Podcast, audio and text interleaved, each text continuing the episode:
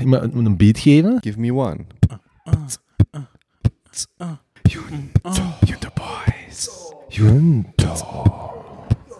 Junto. Junto boys. Junto.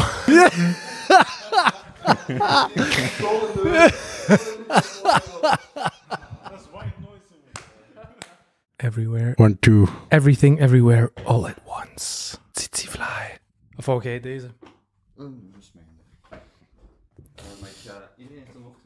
Yo. Nee, pak maar, ik doe het zonder. Wie gaat er...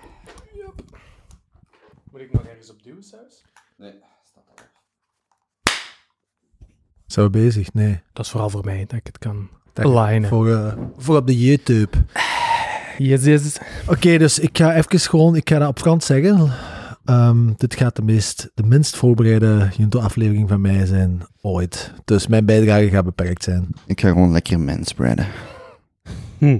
Dat is echt gewoon. Je moet een uurtje volhouden, dat, gaat, dat komt wel goed. Je hebt toch iets te zeggen, Benny? Nee, Je ja. komt net van Mexico. Ja, ik kan over Mexico vertellen, maar wie zit er nu te, te wachten op mijn vakantie? Allee. Mocht Nee, ik heb wel iets goed te vertellen. Ja, zie altijd Even ge- stilte altijd en alles is in orde. Ja. Het is helemaal prima, Maar bol, dan moeten we niet noodzakelijk Want- beginnen. Hè? want iedereen is wel goed voorbereid. Ja. Welkom op de live show. ja, eerst en vooral, ik denk dat we ons moeten excuseren dat we het niet eh, beter hebben gepromoot en eh we nemen de volledige verantwoordelijkheid op ons. Het is, eh het is stoem, hè. Ik denk dat er een aantal dingen zijn fout gelopen. Te laat Ja. gecommuniceerd, te weinig gecommuniceerd. Een aflevering geskipt, dat heeft ook niet geholpen, denk ik. We hebben, net, eh, we hebben net op een restaurant eh, dat heel uitgebreid besproken, dat we het volgende keer beter gaan aanpakken. Mhm. Dus eh, Er is een plan, er er is een heel goed plan. En we hebben dat betaald met geld dat we niet gaan restitueren. Met het, de ticketverkoop, dat geld hebben we gepakt en daarmee zijn we net op restaurant gegaan. Dankjewel, luisteraars. Dat was kijker. Ja. Ik weet dat jullie van ons houden. Dat we dit mogen, mogen bijhouden. Oh god. Oké. Housekeep- we housekeeping? Mhm. Nee, maar we moeten toch nog zeggen, volgende uh, op, eh, live show gaan we speciaal doen. Misschien gaan we dit toch in een Ah, ja. barbecue-modus doen. Ja, ja, ja, er zijn veel opties. Ah ja, we moeten een beetje teasen nu, hè? Ja, ja, absoluut. Barbecue-modus. Ja, dat stond in de groep. Ah, Oké. Ah ja, zo'n varken aan het spit. Ja, inderdaad. Hmm. Oké. Klinkt als een optie. Eh, housekeeping, heel kort. 6200 euro in de Kivapot. Dus het gaat weer, eh, het gaat hard. Ehm dat is het. Like, subscribe. Ja, ik ben niet voorbereid, mijn excuses. het is vrijdagavond. Ik ben van, On Maar dat is zo... van afloop. Dat is precies zo... Ah, Moet jij een pintje hebben? Moet jij iets, alco moet jij iets ah, hebben? nee, ik zeg gewoon, ik Een glaasje wijn? Kijk eens even in de camera, dan weten de luisteraars ook hoe je je voelt. kan niet hey, ik heb hier een schoefje liggen. Ik heb hier van alles liggen. Ah, echt? Ja, als jullie even praten, dan maak ik een Oh, schoefje. Oh. Ik maak een. Moet je... Eh, Ja, voor mij mag dat. Dus meneer drinkt niet meer en nu zie je dat. Hij haalt er een ziekelijk plezier uit om aan andere mensen alcohol te gaan voeden. Ja. Hè? Maar geluk is relatief, hè? Als je dat van andere mensen een beetje kunt afbreken, Zeker. voor jezelf, Voor mij Soefke. is prima. En Jozef, je had u wel goed voorbereid, zeg Ik heb me deze keer echt keigoed voorbereid op het Dus- restaurant. Oh, Eigenlijk had jij het helemaal kunnen trekken, deze aflevering. Het is geen Basha special, dus ik, eh, ik, zal, eh, ik zal moeten delen. Basha specials gaan altijd wel goed aan. Ja, de volgende keer. Misschien doen we de volgende keer nog wel eens een Basha special. Oké. Goed. Ehm, ja, dan gaan we er gewoon invliegen, denk ik, boys. Mhm. Kortste, kortste eh intro ooit. Gaan- nog t- We zijn niet voor. holding maar it dat is toch- together? Maar is- We- we- ik heb er zelf moeite mee als je ehm, naar een spreker gaat luisteren en die begint en die zegt al, "Ah, ik ben een beetje zenuwachtig. Ja, ja. Ik vind altijd van, zeg dat niet. Je ziet wel als iemand zenuwachtig is, maar zeg dat niet, dan maakt het eigenlijk veel erger. Maar ik ben niet zenuwachtig. Nee, maar ik wil gewoon zeggen, je hebt nu al drie keer gezegd, eh, ik heb me niet voorbereid, maar zeg dat niet. Misschien hebben de mensen dat niet door. Laat dat gewoon passeren. Beste aflevering Je legt er de nadruk op. Oké. Oké, we're gonna, we gonna wing it. Hoe is het ermee, jongen? Er is, ik wou nog één ding zeggen. Allee. Dat is zo, eh, fake it till you make it. Mhm. Eh? Maar vanaf nu gaan we fake it till you become it doen. Oké. Ja. Dank u. En wat, wat houdt dat dan in? Of hoe, hoe bekomen wij... Als je, het niet, Het als, zijn. als je zenuwachtig bent of je bent niet voorbereid, Het probleem is gewoon dat fake it till you make it, dat gaat zo wat tegen elke levensovertuiging dat ik heb in. En Kobe wil wel een, een, een slimme opmerking maken. Nee, jij zit make it till you fake it. Past dat beter bij u? Fake it till you make it, sorry. Nee, ik mag wel. Maar mag ik, mag ik met een eh, praktijkvoorbeeld en misschien ook mijn eerste stressje eh, uitpakken? Ik ben afgelopen Je week... vliegt er gewoon, hè. Ik ben afgelopen week naar een, naar een boekenvoorstelling geweest van ehm, Mark Elgardes, die ik wel best interessant vind, die man. Wie is dat? Eh, dat is een socioloog, antropoloog en die vooral eh, politieke inzichten heeft. Hij stond vroeger bekend als zowat de huisfilosoof van de Sosse. En En hoe Doet- noemt hij? Eh, Mark. Elgardus en hij doet eh, hetzelfde als zijn naamgenoot Mark Andreessen, of wordt hetzelfde verweten of eh, vastgesteld, dat iemand die heel liberaal tot zelfs sociaal begint als ze jong zijn, langzaam maar zeker met het ouder worden conservatiever worden. En waar het gaat van de hemel te bestormen, gaat het vooral naar de hemel te beschermen. Dus hij wordt nu regelmatiger weggezet als zijnde een NVA. in, in die streken. Een- hij noemt zichzelf een conservatieve sociaaldemocraat. Maar eh, de NVA heeft deze week het ideetje gelost van een eh, volks... eh, sorry, een, hoe noemen ze dat? Een volksjury? Nee, niet een volksjury, waarbij ze het grondwettelijk hof kunnen overrulen. Ja. En ze hadden er een term voor, een, een, een, een Dat was een paar weken geleden al. Op, eh, volksberoep. Ja, ze gaan het op een congres stemmen. En dat is eigenlijk een idee van Mark Elgardes. Dus hij is ook in de Actua vandaag, eh, onrechtstreeks. Maar ik zat dus op een boekenpresentatie van Mark zeg, eh, sorry, is dat niet over die woke? Is dat niet, heeft hij daar nu niets over gezegd? zijn laatste boek is Reset. En zo, maar het gaat over veiligheid. Ah, maar, ik zeg, ik zeg nu niet in afspraak over woke. Zo'n heel... maar bijna alles gaat over woke Ja, oké, tegenwoordig. ja, sorry. Maar ik weet niet, ik, ik weet het niet. Ik, weet niet, ik heb het boek nog Nee. niet gelezen. Ik ben, ik ben uitgenodigd voor zijn presentatie en ben gaan kijken. En Ik vind hem wel interessant. Maar wat ik wil zeggen is dat het eh, gesprek werd gemodereerd door een eh, journalist van De Morgen. En er zaten ook twee politici in, in het panel om het te bespreken. Zijn de eh Schilds, denk ik, van eh, de Open VLD in Antwerpen en Els van Doesburg eh, van de NVA, schepen in Antwerpen. En ik, ik, ik wil niemand persoonlijk schofferen. Had het beloofd. Nee, nee want, want ik, ik, ik, ik, ik vind... Nee, ehm, maar het was de naam boekenbespreking onwaardig. Als in het, ik vond dat ze veel te veel vanuit hun eigen, en ik denk dat dat ook wel eigen is aan politici uitnodigen in een paneldebat, gesprek, eh, dat ze veel te veel op hun eigen ehm, ehm, eh, ding zaten. En het punt wat ik wou maken is, ik zat daar naar te luisteren en ik dacht, wij doen dat helemaal zo slecht nog niet. Als in, mensen weten wat ze kunnen verwachten, wij doen dat goed op niveau, consistent. Ik ben daar die zaal buiten gegaan en ik was gewoon teleurgesteld. Dus wij zitten misschien iets daaronder, wij zijn misschien iets nerveuzer of spreken dat wat vaker uit, maar wij leveren wel consistent Maar waarde. ook omdat mensen geen verwachtingen hebben van ons. Je hebt, je hebt een verwachting van Elgardus en van, van die Ja, politiek. ik denk dan, als dat de mensen zijn die mij representeren, dan kunnen ze toch tenminste zo goed uitleggen als ik zelf. En dat vond je van niet. Ik vond het dramatisch. Wat houdt u dan eigenlijk tegen om het beter te doen?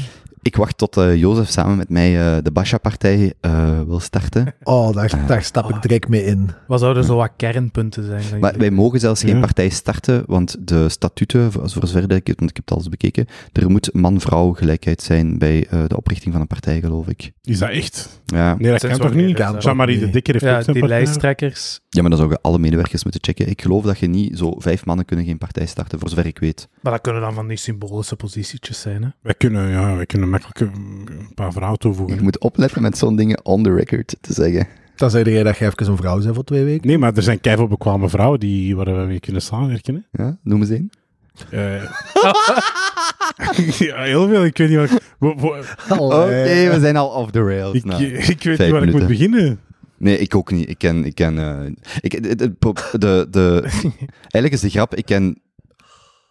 Ik ken meer incompetente mannen. Maar daar kun je minder goed mopjes over maken. Mm. Maar dus de Basha-partij komt op en heeft eh, natuurlijk drie kernpunten op de agenda staan. Prima Nocta. Eh, ja, en ik zoek dat maar eens op. En ehm, nee, we, we moeten daar eens over praten. Maar ik vind, ik vind nog altijd zo een verre droom is wat burgemeester van Antwerpen. Dat klinkt wel goed. Ja. Maar dat heeft tijd, eh, bloed, zweet en tranen nodig. Als jij eh, zegt dat mensen, eh allee, of politiekers zo... Het gaat dus eerst liberaal zijn en daarna zo conservatiever worden. Ja, Sociaal. Zo, Ja. niet liberaal. Ja. Maar ja, ja. Hoe, hoe zit jij dan doorheen de jaren geworden? ja, ik zat erover na te denken en ik... eh, Ja, ik weet ook niet of ik, of ik daar helemaal in volg. Is het niet gewoon het hele politiek spectrum dat wat linkser wordt over de tijd en niet per se de persoon? het was Rechtser wordt. wel... wel Nee, nee, linkser wordt, waardoor de eerst centrale partijen plots rechts lijken. Ah, zo ja, oké.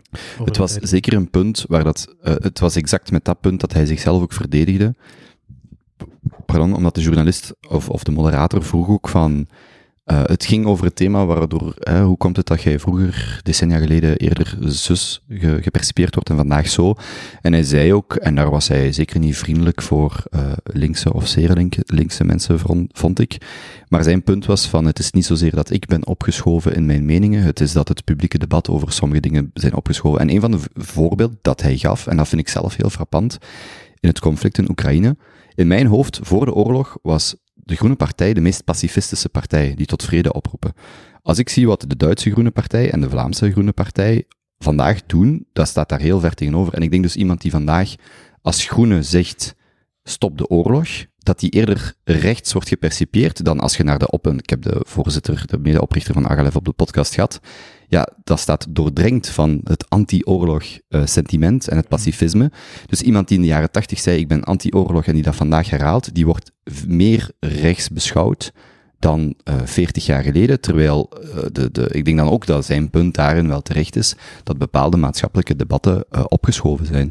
Ehm, net zoals iemand die 40 jaar geleden pro-abortus was, was een Ja. van de ultra-progressieve. En vandaag is dat een middenpositie waar dat weinig mensen eigenlijk zich aan... En, en die dingen verschuiven ook. En dat Homohuwelijk ook, hè. daarover kun je enorm veel clips terugvinden van alle Mhm. politiekers die nu op leeftijd komen, die daar tegen waren en dan zijn bijgedraaid en nu voor. Dat vind ik ook zo. Ik zie van Biden soms zo oude clipjes van 20, 30, 40 jaar. En dan denk ik ook altijd, ehm, dat is allemaal heel leuk als, eh, als, als boetade. Maar als, je dat, als dat dan zelf gebeurt en er is geen context eh, bij jezelf gebeurt en geen context over in welke eh, zin dat daar gebruikt is of zo, is dat wel sneu. En je kunt, eh, je kunt daar weinig op zeggen. Dus we zijn ons eigen graf aan het Dus tellen hier, uw, al drie uw jaar. stressje is de, het inbekwaamheid van de politici en Maar dat ik- jij tijdens de boekenreview werd gezien. Misschien ook een stukje de miscasting van de mensen in de boekbespreking. Want daar, eh, het begint dan met een constructiefout. Het is niet per se de Te veel fout. politiek is toch ook, of niet? Ja, ik vond dat wel. Ik ben ook naar een boekenpresentatie van Frank Judo geweest, die ik op de podcast heb gehad, waarmee ik mij echt extreem eh, dom voelde. En dat is, is- ja, er zijn een aantal eh, mensen waarvan ik zou het eh, gesprek bij wijze van spreken zou willen terugdraaien, omdat ik het gevoel heb van, ik heb daar dus niks bij bijgedragen. Omdat die gewoon op een, die zitten gewoon een paar niveaus hoger. En ik kan daar zelfs nog niet aan als ik zo... En wie zijn dat dan? Ja, er zijn er nog wel zo'n paar. eh Jozef El Basha was, eh, was de laatste. Oh. Die, eh, die, die, die, die zit in regionen, daar eh, Maar dat gevoel, nooit. dat gevoel heb je toch, een paar, allee, toch minstens twee keer per maand, niet? Ehm, jij wijst, verwijst naar uzelf? Eh, Naar de groep waar je nu bij zit. Hmm, hmm. Wel, ik ga mijn punt gewoon afmaken en dan staan jullie. Ehm, nee, maar ik ben naar Frank Judo's een eh, presentatie geweest en het, het, het spijt mij dat ik de twee namen van de andere panelleden ben vergeten. Eentje was een grondwetspecialist en dan nog iemand. En daar heb ik naar dat debat gekeken en echt gedacht, dit is zo interessant. Dit is, dit, dit, eh, dit is alsof ik eh, vijf pagina's uit een van Nassim Taleb zijn boeken lees en ik kan er live volgen. En ik vond, ik, eh, dan is het, kwaliteit, het kwaliteitsverschil gewoon heel groot. En het ene was heel goed, dat was de casting, vond ik heel goed, want het is van dezelfde uitgever. En deze was iets minder. En als ik daarnaar te kijken, dan denk ik, ah, je weet gewoon, die gaat nu dit zeggen, die gaat nu dat zeggen, daar gaat die zo op reageren, en dan is er weer een half uur voorbij, en dan zit ik daar en denk ik, moet naar het toilet. En het is nog een uur. Zullen we die boeken in de show notes zetten ook? Ja, ja, eh, dat mag zeker. Ik, eh, het, het is allemaal van Ertsberg, een eh, nieuwe eh, uitgeverij van een gast die, denk ik, doorbraak.be mee heeft opgericht. Mm. Wel toffe boeken. Ook het boek van Karel Antonissen van eh, Achter de Schermen van de BBI vind ik echt nog altijd een echt een goede aanrader. Over- Alright. Ja. Cool. Goed. Boys, stressjes? Zeg maar nu. Ik ademde in. Eh, heb ik stressjes gehad? Ja, er zijn ehm, wel wat stressjes geweest. Misschien een korte inleiding over, eh, om een, eh, een kleine steekproef te doen bij jullie. Dus naar, naar uw eigen gevoel. Ik ben zelf een, een propere jongen. Ik onderhoud mezelf goed, goede hygiëne, allemaal in orde. Maar een t-shirt, en we zullen ook sokken erbij nemen. Op een gewone dag, je hebt een t-shirtje aan. Hoe lang kun je één t-shirt aandoen? Is dat één dag? Hoe lang duurt een dag? Nee, nee, gewoon eh, van gewoon? Oh, nee, ik heb dit t-shirt. Wacht, wacht. Ik heb dit t-shirt net, voor het, net voor het eten aangetrokken, omdat dat een proper t-shirt is. We zullen een dag nemen van 9 uur s morgens tot 9 uur s avonds. Oké. Dus hoe lang? Gemiddeld? één gemiddeld Een gewone dag. Je hebt niet, geen stressy meetings gehad. Je zit gewoon twee dagen max. twee dagen. Hè? Hoeveel, hoeveel keer kun je een t-shirt aandoen, Basja? Hmm. Ja, ik verander elke dag van t-shirt, maar twee dagen max ook wel. Dus ik zal er wel max, max voor gaan, ja. Max twee dagen. Kobe? Ik vind dat je het kunt stretchen tot drie, zolang Mhm. dat je je t-shirt gefaseerd aandraagt. Drie dagen op een rij is dramatisch, maar de ene dag zes uur, de volgende dag negen uur, dan laat je het nog even liggen. Maar dit snap ik niet. Wie, wie in- een op rotatie. Jij staat toch 's morgens op, jij doet je kleren aan, gaat naar buiten. Maar de heer Van? Rempelen doucht Nee. twee keer per dag. Ja, maar en ook, bijvoorbeeld, als ik favoriete schoen heb, ik koop meteen een tweede paar, zodat ik kan afwisselen, want dan gaan die langer mee als dat je één paar elke dag draagt. Dat heb ik met mijn t-shirts ook. Ik wissel gewoon per dag twee keer van t-shirt. Als dat, dat is het niet elke dag natuurlijk. Maar dit doe ik aan om met jullie te gaan eten. Dan leg ik dat terug in mijn kast. Morgen doe ik een slecht t-shirt aan. En als ik s'avonds terug ga eten, doe ik dat terug aan. En zo gaat een t-shirt bij mij drie, vier dagen mee, voordat ik dat was. Dus ik doe veel minder t-shirts op, omdat ik afwissel. Geen verdere Anyway. vragen. Die is echt... die is raar en schattig op hetzelfde moment. Ja, inderdaad. Ehm, het is eigenlijk het is een stressje en een, een opheving van de, de stress van het gaslighting van iets in mijn relatie dat voorbij is gegaan. Dus we zijn... eh, ik ben samen met Elke een paar weken geleden... Gaslighting is leuk totdat ze dat bij u doen. En voelt vooral bevrijdend als je ervan af bent. Eh, we zijn een paar weken geleden een, eh, een, een ware hipster dateactiviteit gaan doen, eh, espresso zetten. Eh, dus leren espresso zetten hier in Antwerpen in een, ehm, een cafeetje waar ze zelf hun bonen roosteren. Een halve dag lang uitleg over waar de bonen... Echt zoals je wijn gaat proeven. Van waar komen de bonen, hoe worden die Hmm. geroosterd, hoe worden die geprepareerd. Super interessant. Als je voor iets van koffie zijt, raad ik het zeker aan. Want je leert enorm veel bij. En een van de oefeningen die ze daar doen, dus dat, wat je ook bij wijn hebt, is het, het leren herkennen van geuren en smaken. En ze laten dan op een papier zien wat de, de mogelijke opties zijn qua geuren. Je hebt grotere categorieën, iets zoet, iets eh, ja, volhardend, of, eh, en dan veel kleinere categorieën, tot heel specifiek eh, één bloem in een bepaald seizoen, de blaadjes daarvan als ze vermalen zijn en Ja. onder twee boeken liggen, of zoiets. Ehm, en ze zei dan ook, we zaten daar met, met vijf, dat meestal de mensen op, een, op de eerste keer dat ze daar passeren, ongeveer twee van de tien grote categorieën juist hebben als ze een bepaalde boon of koffie ruiken. Hmm. En dat al een vrij goede score is op de grote categorieën. Nu, elke begint daaraan. Ehm, en al vanaf de eerste geurkeuze komt daaruit. Ik denk de eerste geur was vers gepelde aardappelschil. Heeft zij dat zo gezegd? Zo bonk, dat stond niet eens op papier, was geen optie, was 100% correct. Dus elke heeft daar de een na de andere zitten afratelen, heeft uiteindelijk 7 op 10 gehaald. En nu is voor mij volledig bevestigd dat hij haar leven leidt via haar neus. En dat ik dus altijd, of ondertussen, shit, nu moet ik oppassen, jarenlang ehm, ben wijsgemaakt dat, eh, dat er dingen stinken in het huis of in het tiny house waar ik nu woon. Terwijl dat helemaal niet het geval is. En dat het heel normaal is om je t-shirt twee dagen aan te kunnen houden. Of drie dagen aan te kunnen houden. Of even iets te laten liggen. Of u ergens niks van aan te trekken. Hmm. Want zodra dat er iets is bij ons in het tiny house, heeft elke dat door. En kan ik de hele dag horen over hoe dat ze iets ruikt, ergens vandaan komt. En dan daar naar op zoek moet en dan moet proberen op te lossen. Ehm, Dus die heeft echt een overgevoelig... dat is echt niet normaal. Zelfs die madame van de koffiecursus was ervan over, onder de indruk over hoe goed dat ze die heel specifieke geuren eruit kon halen. Benny, je hebt ook een overmoedig eh, rukorgaan. Een overmoedig. Een over, overmoedig? Een, een overgevoelig rukorgaan. Een overontwikkeld. Overontwikkeld. Misschien, Ik, moet, eh, misschien moet jij dat ook eens proberen. Dus ik kom voor de record nooit Nooit niemand mijn mopje van rukorgaan op? Ruko- Rukorgaan. ruko- Rukorgaan? Wauw. In de, in de, als dit een live show was, dan zou tenminste drie mensen gelachen hebben. En de rest stil. Ik moet wel zeggen, ik heb onlangs met haar kaasjes gegeten. Ja. En ik heb het niet doen ehm, uitwijzen. Maar ik voelde mij wel een beetje, ge, gelijk wat jij nu zegt, eh, ge, ge, Intimideerd. ja, ge pheromono-shamed of zo. Ja, ja, het is Ehm, echt next level. Die pakt een kaasje en die ruikt daaraan en die beschrijft dat. Hm. En en plus, die pakt dan een, eh, een koekje of een stukje brood. Dan begint hij dat te combineren met confituur, allerlei. En dan begint hij ook nog eens gedetailleerd uit te leggen wat dus de intense, of sorry, de, de subtiele smaakverschillen zijn. Als je het ook nog combineert met andere dingen, waaronder koekjes en, en allee, crackers. Ja, en, Moet je eh, daar niks mee doen? Ja, die moet daar iets mee doen. Ja, maar wat word je daarmee? Een soort sommelier of eh, iets in die genre? Ja, wie weet. Top, een andere sommelier. carrière zoeken, weg van de IT, de safe jobs. En ja, ik, ik, vond, ik was echt impressed. Want die heeft dat toch met smaak? On another Niet? level. Ja, alles benoemen qua vage dingen, Of als parfum. geuren en smaken, Parfum weer. parfums, al die dingen. En was dat, Voilà, Stuur je vacatures in en eh, elke zal ze bekijken. was dat voor je dan een stressje of een hoogtepunt? Nee, dat is gewoon al vijf jaar lang een stress van mij. Dat t-shirts kunnen echt één dag... Dat is de limiet. Eén dag is de limiet. Terwijl mijn... Ik ben een vrij hygiënische jongen. Ik heb ook een stoel waar dat ik braaf altijd mijn kleren over drapeer. Om morgen nog eens aan te doen. Of misschien binnen een paar dagen nog eens aan te doen. En dat was volledig uit een boze.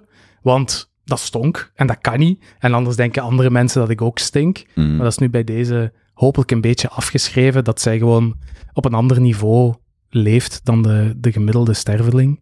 En dat ik daar nu ja, de consequenties van moet dragen de rest van mijn leven waarschijnlijk. Damn.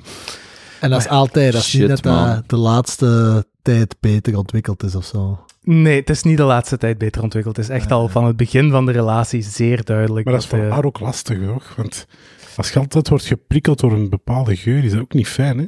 Nee, nee, klopt. Ze heeft eh, een heel zwaar leven en ik, eh, ik leef met haar mee. Kunnen wij je ondersteunen in iets? Kunnen wij... Ah, wel zo'n paar flesjes parfum, dat zou wel handig Mm. zijn, dat ik alles van mij kan maskeren. Ehm, Draag je parfum? Nee. nee, Ja. parfum niet, nee. Ah, dat moet je beginnen doen. Maar is ze daar Ik dan heb dat wel gedaan. Allee, Zal ze dat fijn vinden? Er is niks goed genoeg, eigenlijk. Eh, Oeh. ze heeft gewoon zo'n goede smaak. Misschien moet ze zelf zo eens iets beginnen samen te stellen. Challenge accepted. Ik heb dat wel We gedaan, gaan een parfum voor hen vinden die zij eerst heeft goedgekeurd. Dat is met de Ik ken er een paar. ondernoot. Ik heb, ik heb een, eh, een tester gekregen van zijn parfum. Die is goed, hè? Die is heel lekker. Die is van mij. Welke is dat? Nee, ik ga niet zeggen, want die is echt van mij. Speciaal. Die gaan Oh, ja. niet Ik zoek in nog de een nieuwe show notes. parfum. Nee, nee, maar nee, ga je naar mij rieken. Nee, dat wil ik niet. Maar ik heb dat dus lange tijd gedaan en dan mee gestopt. Want drie dingen geprobeerd en dan gezegd, oké, Ja. Mm. ik geef gewoon op. Maar dat is ook En natuurlijk word ik geaccepteerd door elke in mijn natuurlijke vorm. Ja, ja, natuurlijk, sowieso. ja, dat ik is wou vanzelfsprekend. zeggen, dat is toch een compliment. Ah, ja, tuurlijk. Exact. Maar jij moet nogal, eigenlijk, jij moet nogal goed rieken, ja. En ook misschien meer wol gaan dragen. Dat die geur er niet zo in zit. Wollen sokken, wollen Dat ondergoed. wel, ja. Merino, merino dingetjes. Ik heb al mijn sokken gewoon allemaal zwart van Valken gekocht. Ook nooit moeten zoeken naar sokken. Mhm. Dat is niet zo duur. Gewoon al je sokken vragen. En dan gaat alles langer mee. Goeie tip. Dus Right. laat je niet gaslighten in je relatie. Pas wel. even de check. Hmm. Stressje, ja. Ik heb een stress. Ik zal een stress delen. Eh, maar ik zal niet de hele context geven, omdat ik uit privacyreden en GDPR niet alles kan vertellen. Maar ik had dus een gesprek eh, met twee dames. Eh, en dat gesprek was eigenlijk een soort van... ehm, ik moest mezelf voorstellen. En het was eigenlijk een soort van kennismakinggesprek om te zien ehm, of dat er gewoon een klik is tussen ons als persoon. Dat was een heel...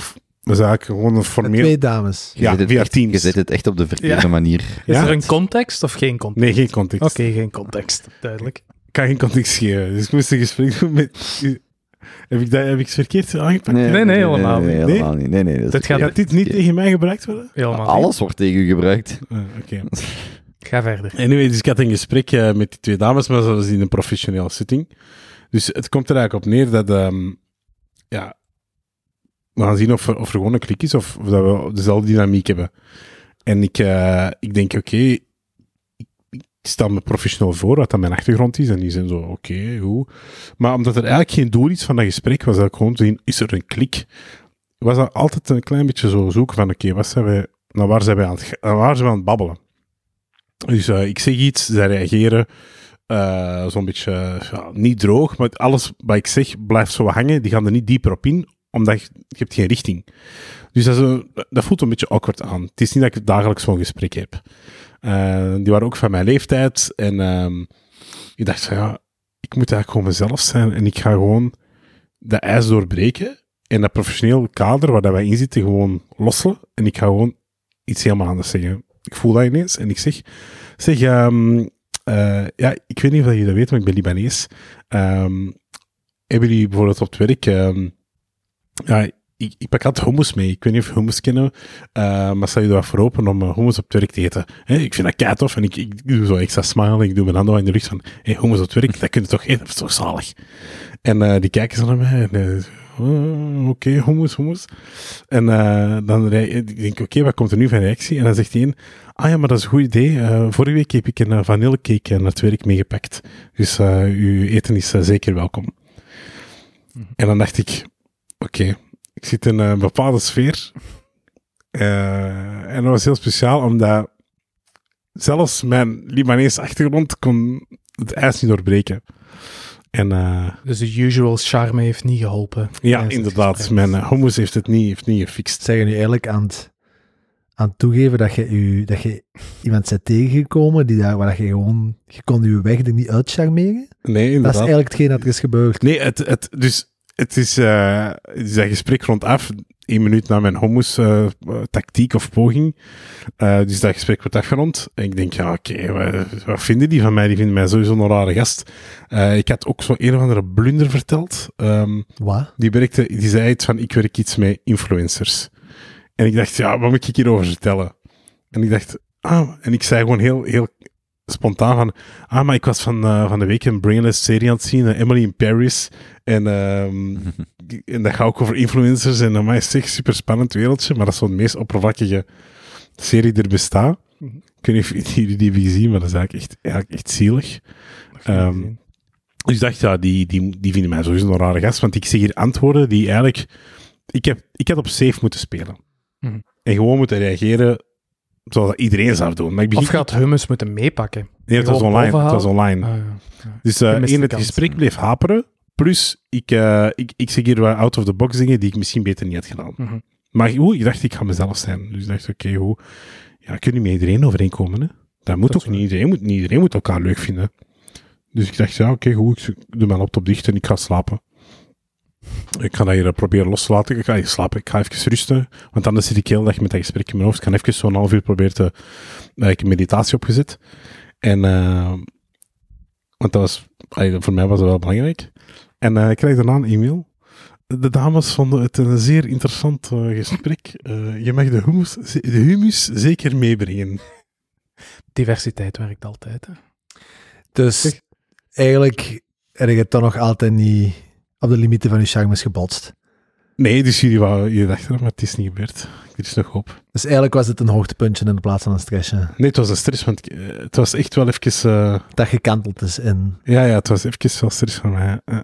Ja, misschien voel ik dat niet zo hard, maar voor mij was dat echt eh, heel moeilijk. Je hebt vanavond weer eten voor ons bij, hè? Kijk. Ja, lekker cake. Van wie, van wie was het cake? Ik heb voor jullie cake getrakteerd, omdat ik vind dat jullie dat verdienen. Ah ja, Mm. oké. Mhm. Heel lekker. Dat is goed. Jullie zijn mijn beste vrienden. Dat is goede daagd. En Benny, hebt jij nog een stressje gehad? Ehm, nee, niet echt een stressje. Hoogte. Ja, ik ben juist drie dagen terug van eh, een dikke twaalf dagen in Mexico. Dus heel veel stress heb ik daar niet echt gehad, moet ik zeggen. Mm. Ik heb wel een hoogtepuntje gehad. Mhm. Ehm, misschien even kort in het algemeen. Mexico is een zeer mooi land. Het is echt eh, sterk een aanrader. Ehm, heel lekker eten, heel vriendelijke mensen, fantastisch weer. Ik zou wel altijd rond deze periode gaan, want in de zomer is het echt pokkenwarm blijkbaar. Nu was het rond de 30, in de zomer gaat dat tot 45, dus geen aanrader. Heb je het nu kijk koud waarschijnlijk ook? Ja, maar... Maar ehm, Maar in onze zomer staat toch winter? dat is, is toch nog de- boven de evenaar. Dat is de Maar ja, in Brazilië was dat zo. Ja. Ehm, en eh, ja, het was echt, was echt geweldig. Ehm, het enige wat ik nog wel zou meegeven, wat je niet mocht doen, dat was misschien een klein stressje. Je hebt zo een aantal locaties. Dat begint bij, je vliegt op, meestal op Cancun als je naar eh, Yucatan gaat. Dat is wat de, de feeststad van Mexico. Daar moet je echt gewoon zien dat je zo snel mogelijk weg bent, want dat is echt, dat is het echt niet. En dan heb je Playa del Carmen, ook echt niet zijn. En dan naar de Tulum. En wij zijn in Tulum geëindigd. En dat is ook echt... Dat is misschien wel echt een stressje. Dat is gewoon kapot getoerist. Dat is echt... Blijkbaar zo 10, 15 jaar geleden waren er nog van die tropische stranden en keischone natuur. En dat is op 10, 15 jaar gewoon helemaal overrompeld door Amerikanen en, eh, en eh, toeristen. En dat... Ja, dat is echt bizar. Dat, dat strand, dat staat vol met van die resorts. Je kunt daar niet meer op dat strand zonder dat je betaalt aan een dat van die resorts. Ja. In Dubai is dat eh, Ja, dat is echt degoutant. privé. een merk. Allemaal privé. Dan komt op dat strand, dan ligt daar zo een twee meter breed smurrie van eh eh, zeewier. Dat daar gewoon elke dag terug... Ik dacht dat je mensen aan het Ja, beschrijven. Amerikaan. Twee Nee, meter breed, de smurrie Amerikaan. stinken, jongen. Echt gewoon fort. Ja, dat is gewoon doordat die oceaan zo vervuild is, door al die mensen dat daar zitten in te gaan. En ja, echt gewoon... Ja, dat was echt een stressje, want we wandelden daar zo rond en dan realiseerde je echt van, amai, dat is hier echt gewoon kapot gemaakt door het massatoerisme. En wij kwamen zo juist, we hadden zo een meer ontoeristische route gedaan. Eh, dus dat was echt, het contrast was groot. Maar, eh, wat was het? Je, je ziet dat hij niet voorbereid is. Hè? Hij is in zijn hoogtepuntje ook zijn stressje aan het vertellen. Ja, het is Normaal allemaal kan hij die beter... eh, Het is hè? allemaal wat meer charmant. Doe maar gewoon voort. En, ehm, maar het hoogtepuntje was wel echt, echt wel eh, speciaal. Dus wij zijn in Tulum. Vanuit Tulum kunnen we wel een paar heel coole dingen doen. Dus een van de dingen die we hebben gedaan is een, een rondleiding door ehm, eh, Maya. eh, Mm. eh, ja, niet, geen tempels, maar zo. De Maya's hadden kanalen aangelegd eh, tussen grote stukken water. En die zijn naast nu allemaal natuurgebied beschermd. En daar mogen maar zoveel gidsen per dag met kleine bootjes van vijf, maximaal vijf mensen, mogen daar maar binnen gaan. En daar hadden we een, rondleiding geboekt van een authentieke ehm, Mexicaanse Mayaan, die net dan vertelde over de geschiedenis en zo. En dat was echt de max. Dan waren we zo eh, aan het rond, dan dropte ze af in dat kanaal en dan had je zo'n reddingsvest aan.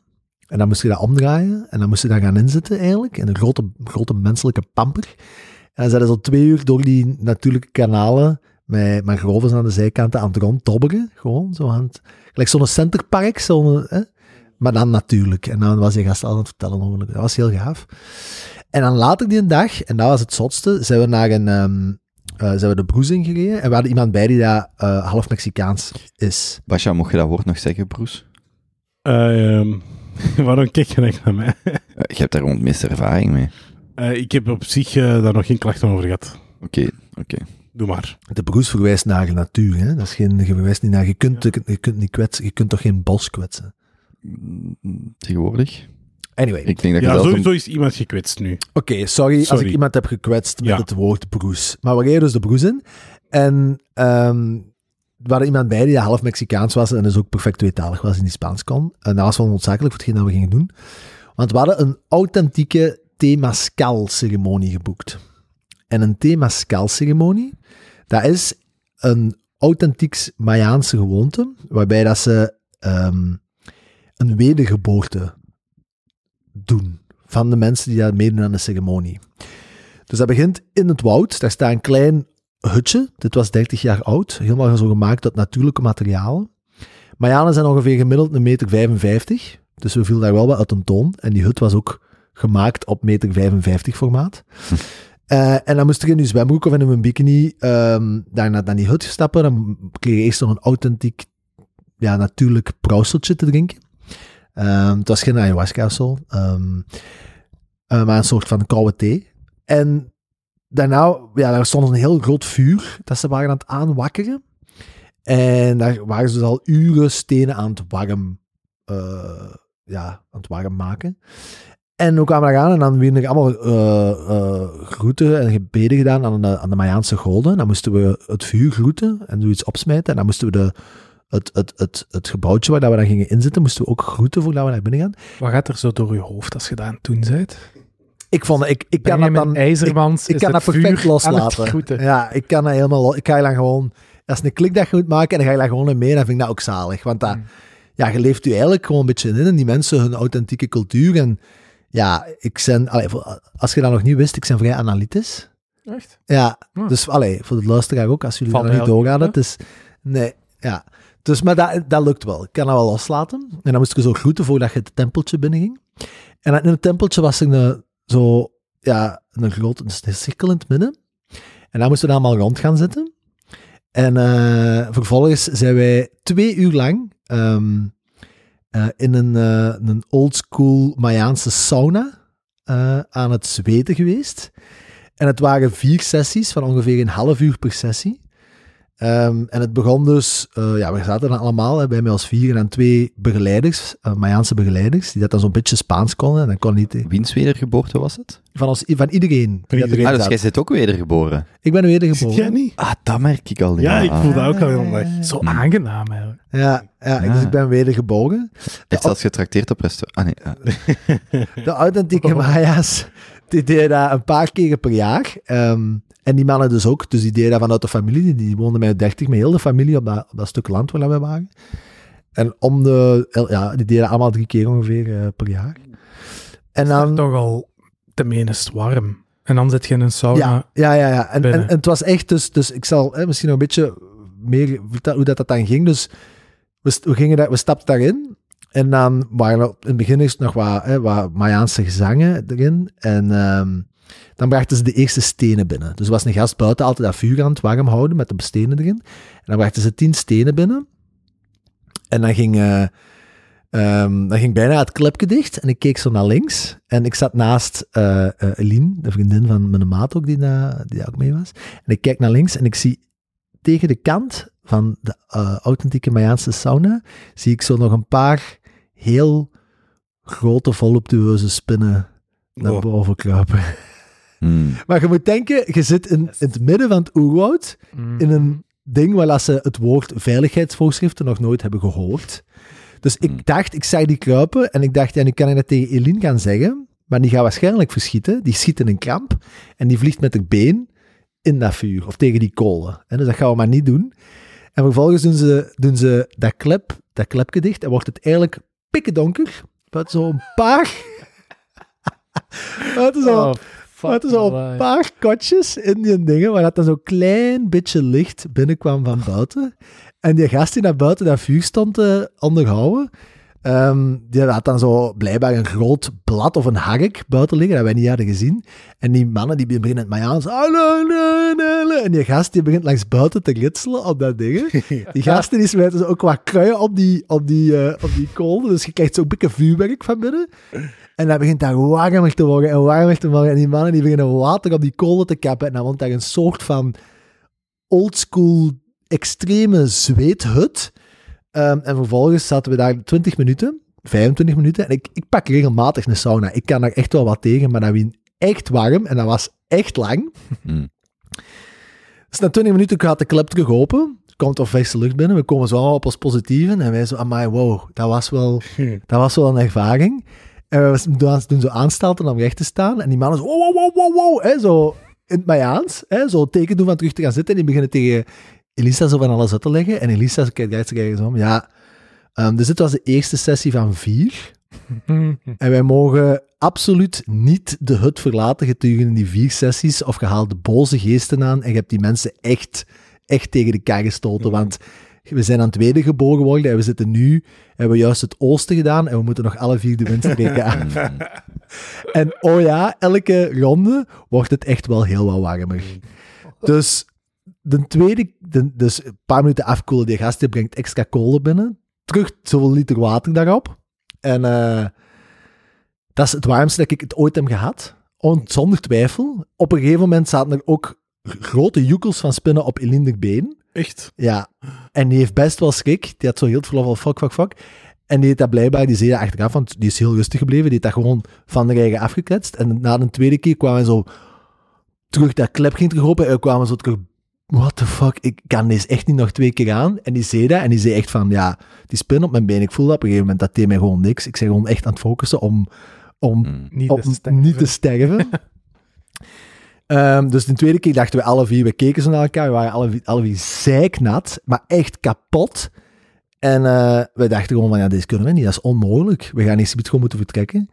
Ehm, maar de derde keer begint, en hij gast staat ook wel tegen Elisa zo, oké, en nu gaan we zingen, nu moeten we wensen uitspreken. Je moet je ook bewust zijn dat je nu als vier, je bent vriendschappelijk verbonden voor het leven. Het is echt een, allee, zo allemaal volgens in de cultuur waar die allemaal aan het uitleggen. En de derde keer, wij waren zo vijf minuten erin, en we merkten, het gaat zo allemaal met je handen zo, dat moesten we ook doen, handen voor je neus en voor je mond, dat je longen niet verbranden, zo echt dat soort van shit.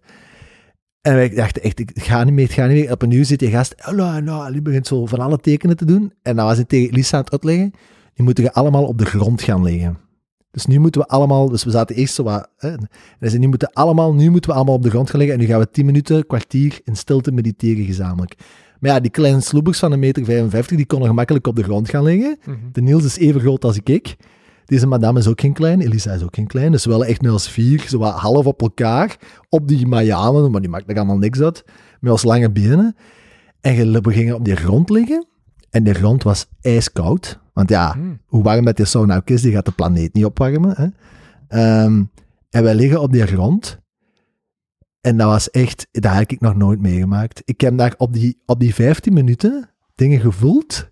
Ik ben emotioneel geworden. Ik ben echt bijna aan het janken geweest dat ik daar lag. Ik heb zo, ja, dingen gevoeld, signalen binnengekregen. Ik, ik, ik wist echt niet wat er gebeurde. En zoals ik zei, ik ben een vrij analytische, hele...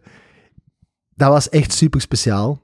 En na een kwartier, twintig minuten, na die derde keer, kwam hij terug boven. En die Marjane die keken zo naar ons. En die zei iets tegen Lisa. En Lisa zei tegen ons, voilà, die hadden allemaal moeder Agnes gevoeld. Mm. Je bent bijna gebogen. en dan was ik nog de laatste sessie. En de laatste sessie was er nog 10 minuten ehm, het warmste, maar 10 minuutjes. En dan was het klaar en dan stond ik buiten zo'n heel bad. En dan moesten we afkoelen en drinken. En we hebben nog twee uur op die boerderij rondgehangen. Dat was echt... Dat was een ongelofelijke ervaring. Ik maak zoiets nooit niet meer mee in mijn En leven. wat heb jij dan zo binnengekregen van moeder aarde? Wat zijn dingen die u ontroerd hebben? Ja, dat is een beetje persoonlijk ook. Ehm, maar ja, ik heb zo... ik- Ja, Paul, daar ga ik nu niet over uitbreiden. Maar ik heb... me- Ik Maar vertel eens iets, ik ben toch echt benieuwd eigenlijk. ja, gewoon een, ge- een gevoel. Een gevoel. Een gevoel van wat? Een gevoel van... eh gaat je dan terug naar achter? In uw, Eenzaamheid, in uw- liefde. in uw- Geluk, Liefde, een soort van liefde. Maar het was specifieker als dat, maar ik kan er nu niet over uitbreiden. een erectie. Ja, dus sinds toen loop ik al een week rond. Ehm, ja, nee, dus dat was echt een eh, ongelofelijke ervaring. Ehm, ook zien hoe dat die mensen daar leven, dat was echt 30 man, grootvader, grootmoeder, de vijf kinderen, die hun kinderen, kleinkinderen, 30, en in, in echt strooien hutjes, hè. Hm. Je denkt Mexico, is een ontwikkeld land, die zit in de top 10 grootste BBP's ter wereld.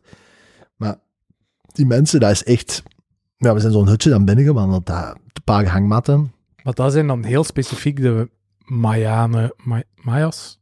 Ja, dat waren gewoon, die woonden in Tulum. En die mensen zeiden, ja, dat is, wij, wij, wij, wij konden het daar niet houden. Wij, wij, wij willen, we hebben altijd met- samen met de natuur geleefd. Ja, maar die kiezen ervoor. Die Die, misschien wel geld, die misschien wel... eh, Ja, daar stond een dikke gepimpte Volkswagen voor de deur. Dus dat was ook keihard. Hoeveel kost die wedergeboorte? En na die wedergeboorte gaan die gewoon allemaal naar huis. Naar hun villa's ergens twee meter verder. Een Juist op de heuvelken over, met een zwembadje. Ja, Dat zou ja. hilarisch Allee, zijn. die toeristen zijn weer weg. Ah, die hadden daar ook, die hadden daar ook, ik heb daar een liter. ehm, dus ook voordat we in de, in de hut gingen, moesten we honing proeven van op, van op het land. Daar vlogen ook allemaal honingbijen rond. Honing.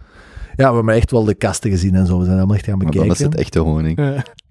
Eh, en ik heb een liter, eh, ik heb een liter meegepakt. Eh, was echt de lekkerste honingkool dat ik ooit ook gegeten heb. Dat was niet te doen. Ja, en dat was echt speciaal, want je ziet gewoon die mensen die... Allee, we hadden het er achteraf over, en ik weet niet wat Gelle daarvan denkt, maar die, je zag, die hebben fysiek, f- eh, financieel, hebben die niks. Die hebben niks. En we wandelden daar rond, en we hebben daar nog een paar uur op die land rondgewandeld, en met die families en gezien dat die interageren. En tegelijkertijd hebben die alles wat wij niet hebben. Dat was echt speciaal. Je merkte van, die zijn gewoon, die zijn super gelukkig. Die leven nu met een 30 op dat land. Continu samen, continu buiten, continu goed weer. Continu, ja, met, met de natuur en die, ja. En dan denk ik van, ja, is ons welvaart misschien op een bepaalde manier een, eh, een, een, een val voor onszelf, hè? Mhm. Ja, klopt. Ja, maar je kunt er niet meer uit. Jij, zat er wel bij stil. En je voelt nu van mij, ik zou misschien ook zo terug puur natuur willen worden, maar... Allee, je leven gaat terug voort, je komt hier terug en je gaat begin nu terug 9 to 5 te werken en voordat je weet, ga je terug op verlof en dan sta je weer bij stil en dan... Ja, dat is zo zot, hè. Dat is raar, hè? Je wordt dan zo toch terug gewoon... Het is toch altijd, als je zo op reis gaat, denk je van, ah, dat wil ik meepakken of dat wil ik eruit halen, totdat je terug in je routine komt. Mhm. Dat is gelijk nieuwjaarsvoornemens of zo. Zo'n beetje. Allee, is- ik vind dat een beetje, te- ik vind dat eigenlijk heel teleurstellend. Ik heb dat altijd met mezelf. Hoe teleurgesteld in jezelf. dat Ja, zo van, dat- of ja, niet per se mezelf, maar ook gewoon in de maatschappij van eh, hoe, hoe sterk dat je toch in bepaalde routine en, en, en dyna- dynamieken wordt gegoten. Mhm. Eh, ja. Wel interessant. Toen heeft hij ook verteld, en ik had ook naar die silent retreat. Ja, na twee weken zit je terug Ja, maar ja, je hebt aan het ook klaksoneren in ja. de auto, bij wijze van spreken. Ja. Maar hoe komt dat? Want je motivatie op dat moment is super groot. Maar dan kom je terug thuis en dan Ik- moet jij gaan werken of dan, pff, ik weet niet, dan moet je... Maar ik vind, vind zijn vraag dan interessanter in de zin, als je die mensen ziet en je denkt, ah ja, ik ga ook gewoon wat minder de dingen serieus pakken, hoe komt dat dan dat je dat zo een week later zo Zeker als je zo'n duidelijk voorbeeld van armoede Ja. of, of, of eh, integratie met de natuur hebt gezien. Bij mij was dat met armoede in Brazilië heel fel. Mhm. Als je zo iemand langs de weg ziet sterven, dan denk je toch van, "Wow, dat is bij ons niet. Maar je vergeet dat. Of, of, Maar een heel groot deel is ook gewoon locatie en omgeving. hè. Je past je een beetje aan aan waar je bent. Als jij daar kunt gaan wonen en je kunt die levensstijl volgen, is dat heel leuk. Dat proberen te doen in België, waar iedereen in steden woont en in appartementjes. Dat is bijna niet te doen. Je kunt ja, Ja. andere dingen wel proberen, maar... Maar je kunt dat zelfs in België hebben. Bijvoorbeeld bij ons op het werk, eh, twee weken geleden is iemand eh, echt letterlijk doodgevallen. Die is aan het werken en die is die avond gewoon doodgevallen. Maar is dat nu weer die van die auto? Wat? Of is er weer iemand gestorven bij je op twee? Nee, dat is toen, dat is een, twee, drie weken geleden. Ja, ja, dat is een die. Ik dacht Ja, ik heb wel. het al verteld. Die is gewoon, een collega van mij is gewoon doodgevallen. Wat Hmm. heel raar is, maar wat gebeurt er op dat moment? Staat je stil bij het leven en denk je van, elke avond kan dat bij mij ook gebeuren. Mhm. Dus, allee, dat is in je dagelijkse routine. En dan denk je, ah, ik moet misschien toch eh, wat meer gaan sporten of mijn lijn letten of, of allee, gewoon wat meer aandacht geven. Er zijn voor uw vrienden. Of eh, voor mijn vrienden, Je vrienden mijn zeggen vrienden geven, want mijn vrienden krijgen te veel aandacht. Niet om tien uur een telefoontje gaan doen als je met je vrienden quality time ja, of eh, niet, niet altijd op, op, op Hè? open reageren als je je vragen stelt. Hmm, Dus eh, zo proberen eh, zo parasieten uit je leven te weren. hmm. Ja, want daar is die man aan overleden. Omdat hij dat niet voldoende deed. Maar het is van korte termijn dat je stilstaat. Ik, ik respecteer mijn collega's. Ja, tuurlijk, absoluut, absoluut. Maar ik respecteer uw mening niet. Nee, ik respecteer uw mening wel, maar ik respecteer niet wat je er... Ik, maar ik weet wat je wilt zeggen. Ja, eh, ja, het komt er dus op neer van, ik- op dat moment zit ik op mijn werk, ik denk na van, amai, wat denk ik aan het doen? Ik moet even terug.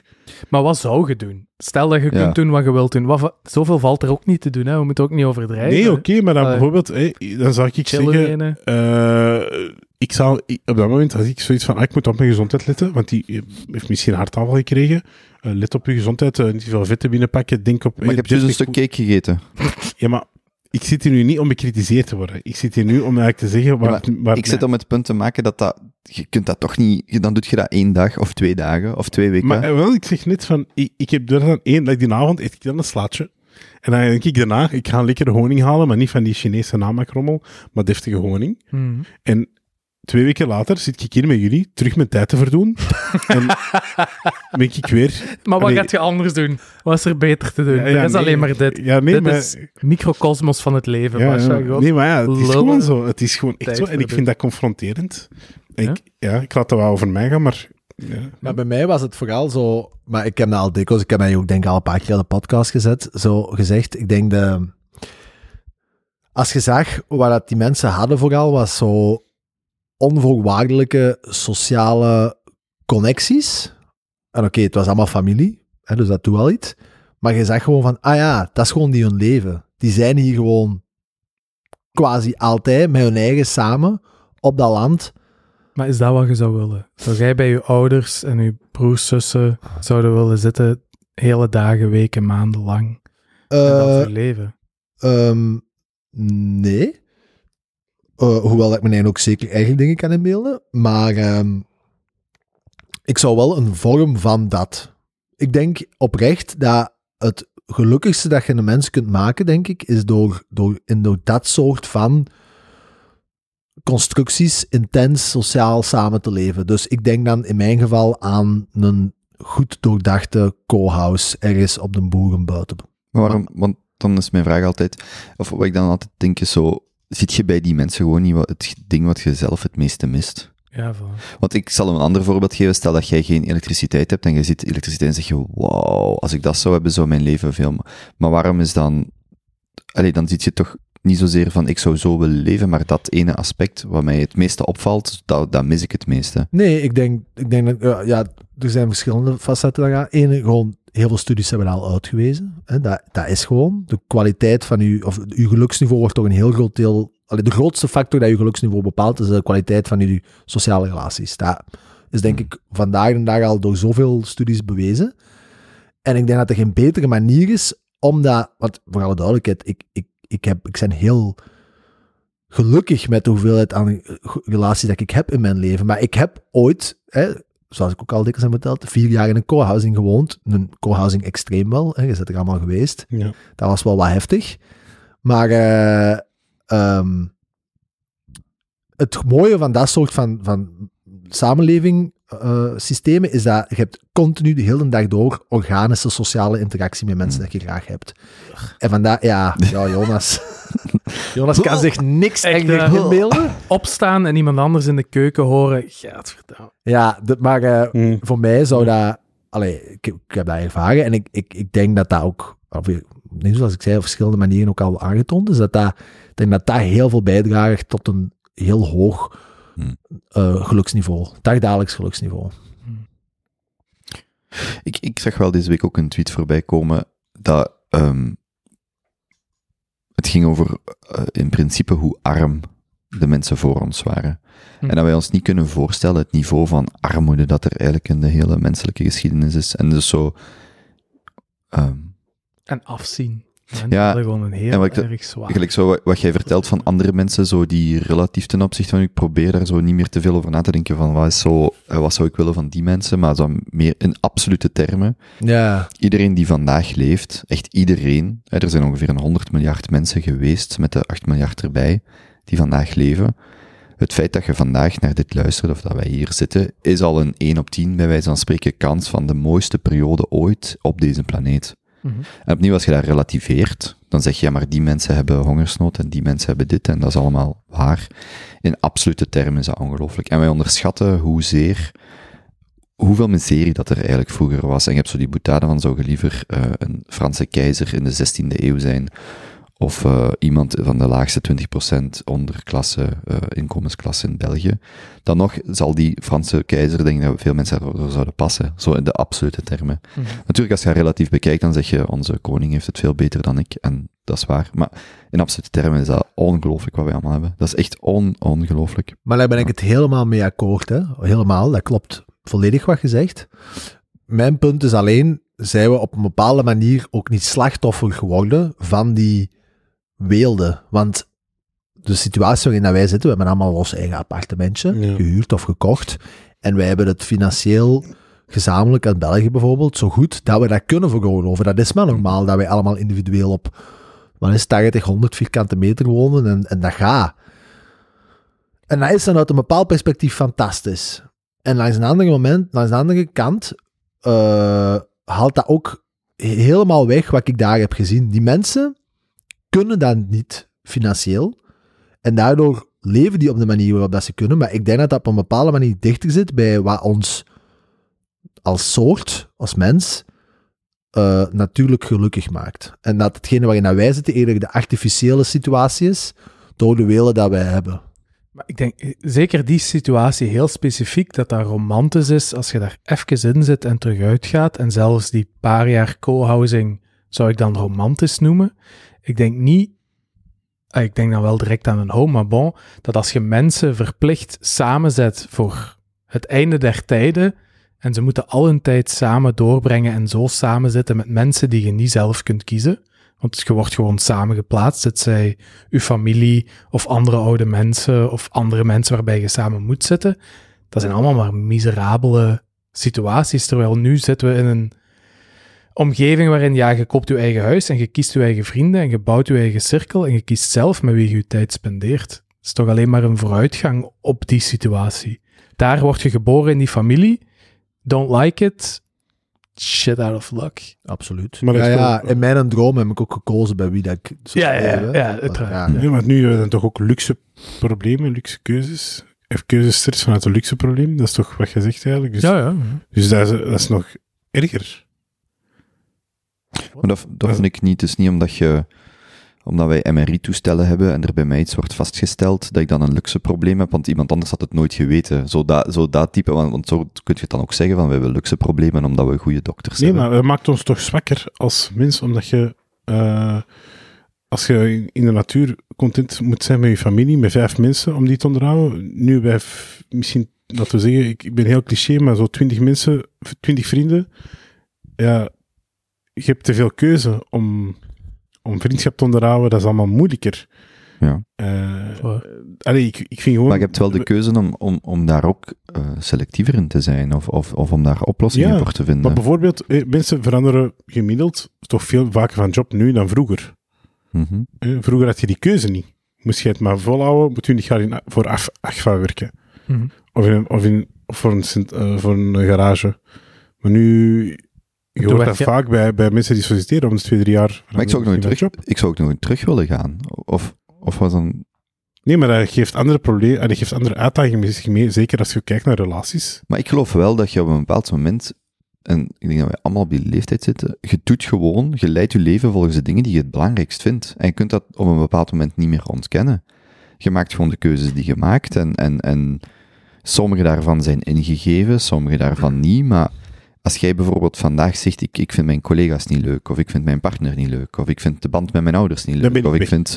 Dat, je bent toch op een leeftijd gekomen dat je daar iets aan kunt doen, of dat je stappen in die richting Ja, kunt maar ik zetten. weet niet wat dat per se beter is. Allee, je hebt de keuze, maar ik weet niet wat dat in C beter is. Je hangt er hoe dat Nee, maar ik denk kijken. wel, een, uiteraard, maar ik denk wel een totaliteit. En ik heb een paar podcasts geleden het omgekeerde punt gemaakt dat vandaag, dat ik denk dat er heel wat periodes de laatste eeuw waren waar het veel eh opwindender was om te leven dan vandaag.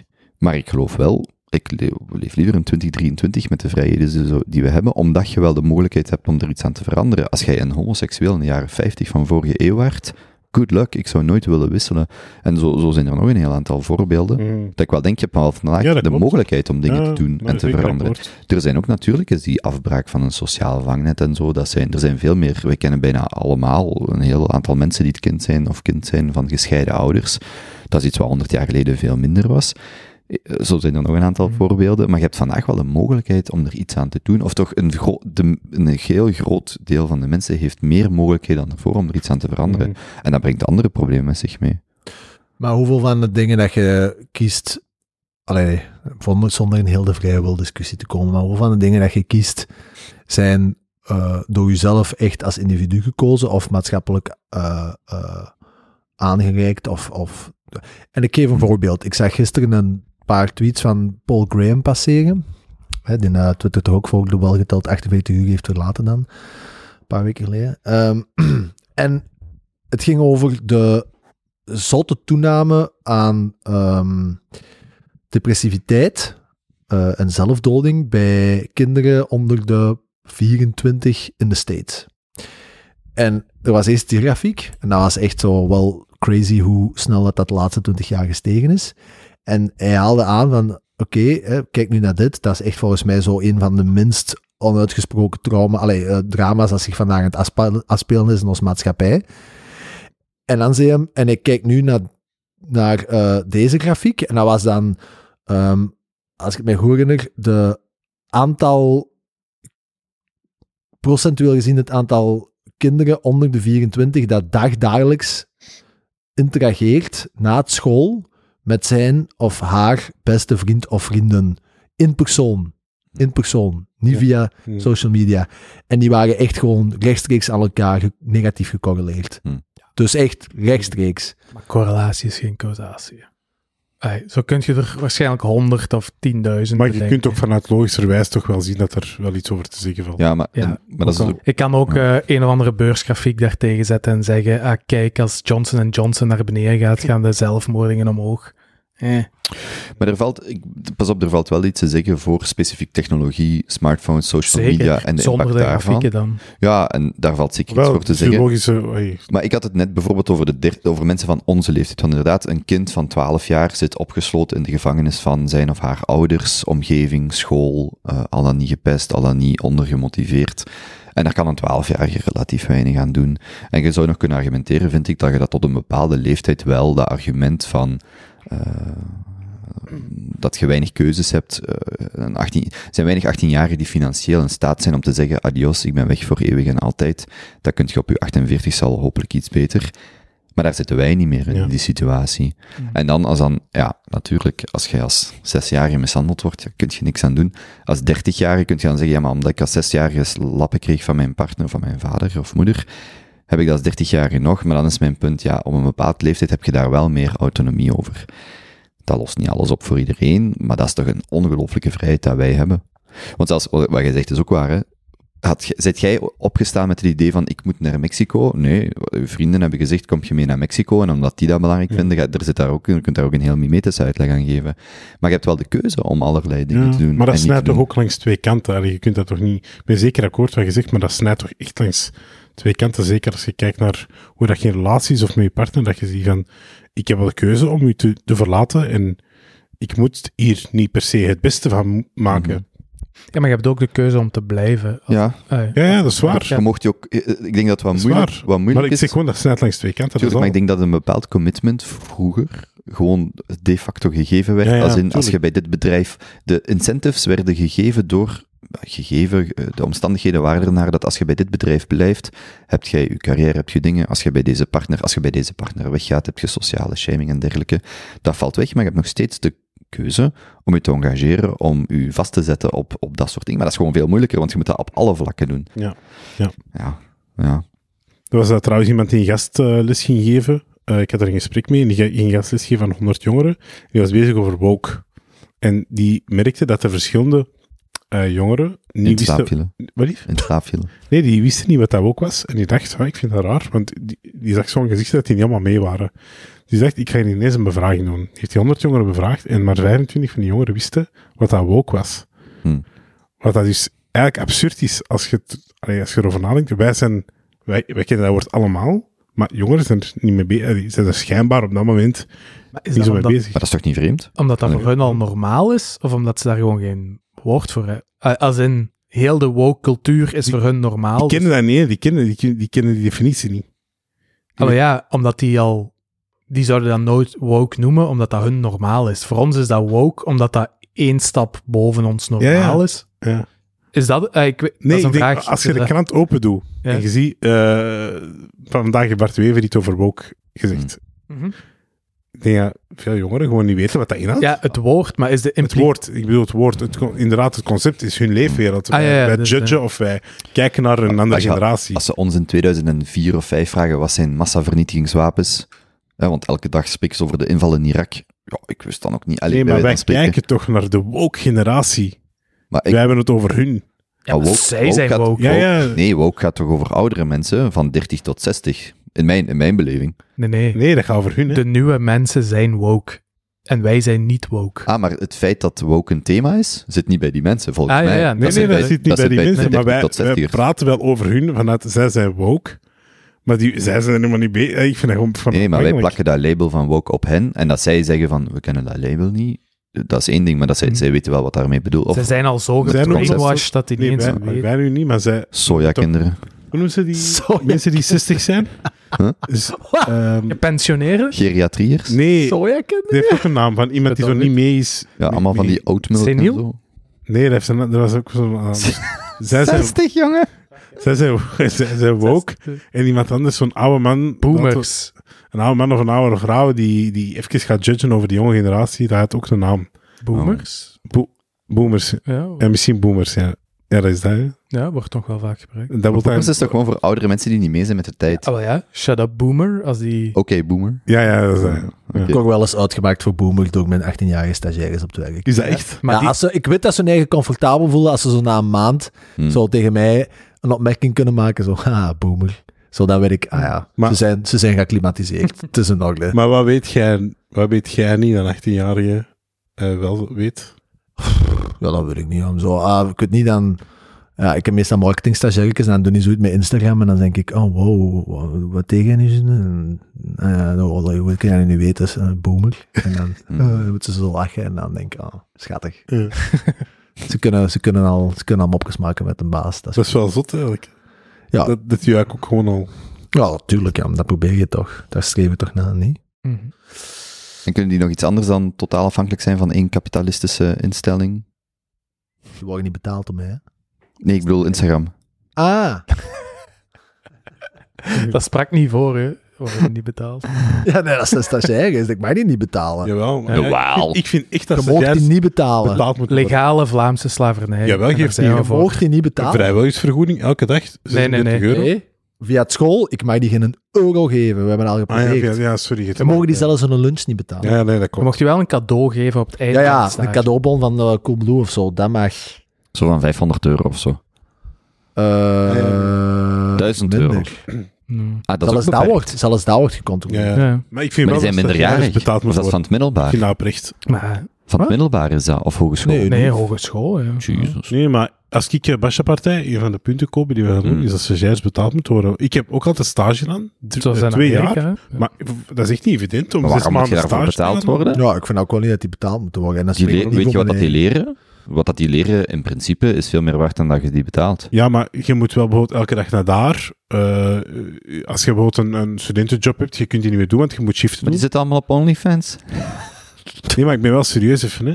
Maar ja, natuurlijk, Oh, maar zes maanden, Oh, zes, maanden, zes maanden stage, nu pak je er ook iets extreems uit. Dat is toch, Allee, dat is toch ook logisch dat je op wij moesten zes maanden stage doen. In mijn derde jaar moeten wij zes maanden stage doen. Zes maanden? Ja, zes maanden. Een half jaar. Maar- Van januari tot juni. Of vijf maanden. En, en dat is Eh, volledig onbezoldigd. Ja. En dat is in, in, Mhm. in, de, in de richting waar ik mijn stagiaires had en waar ik zelf...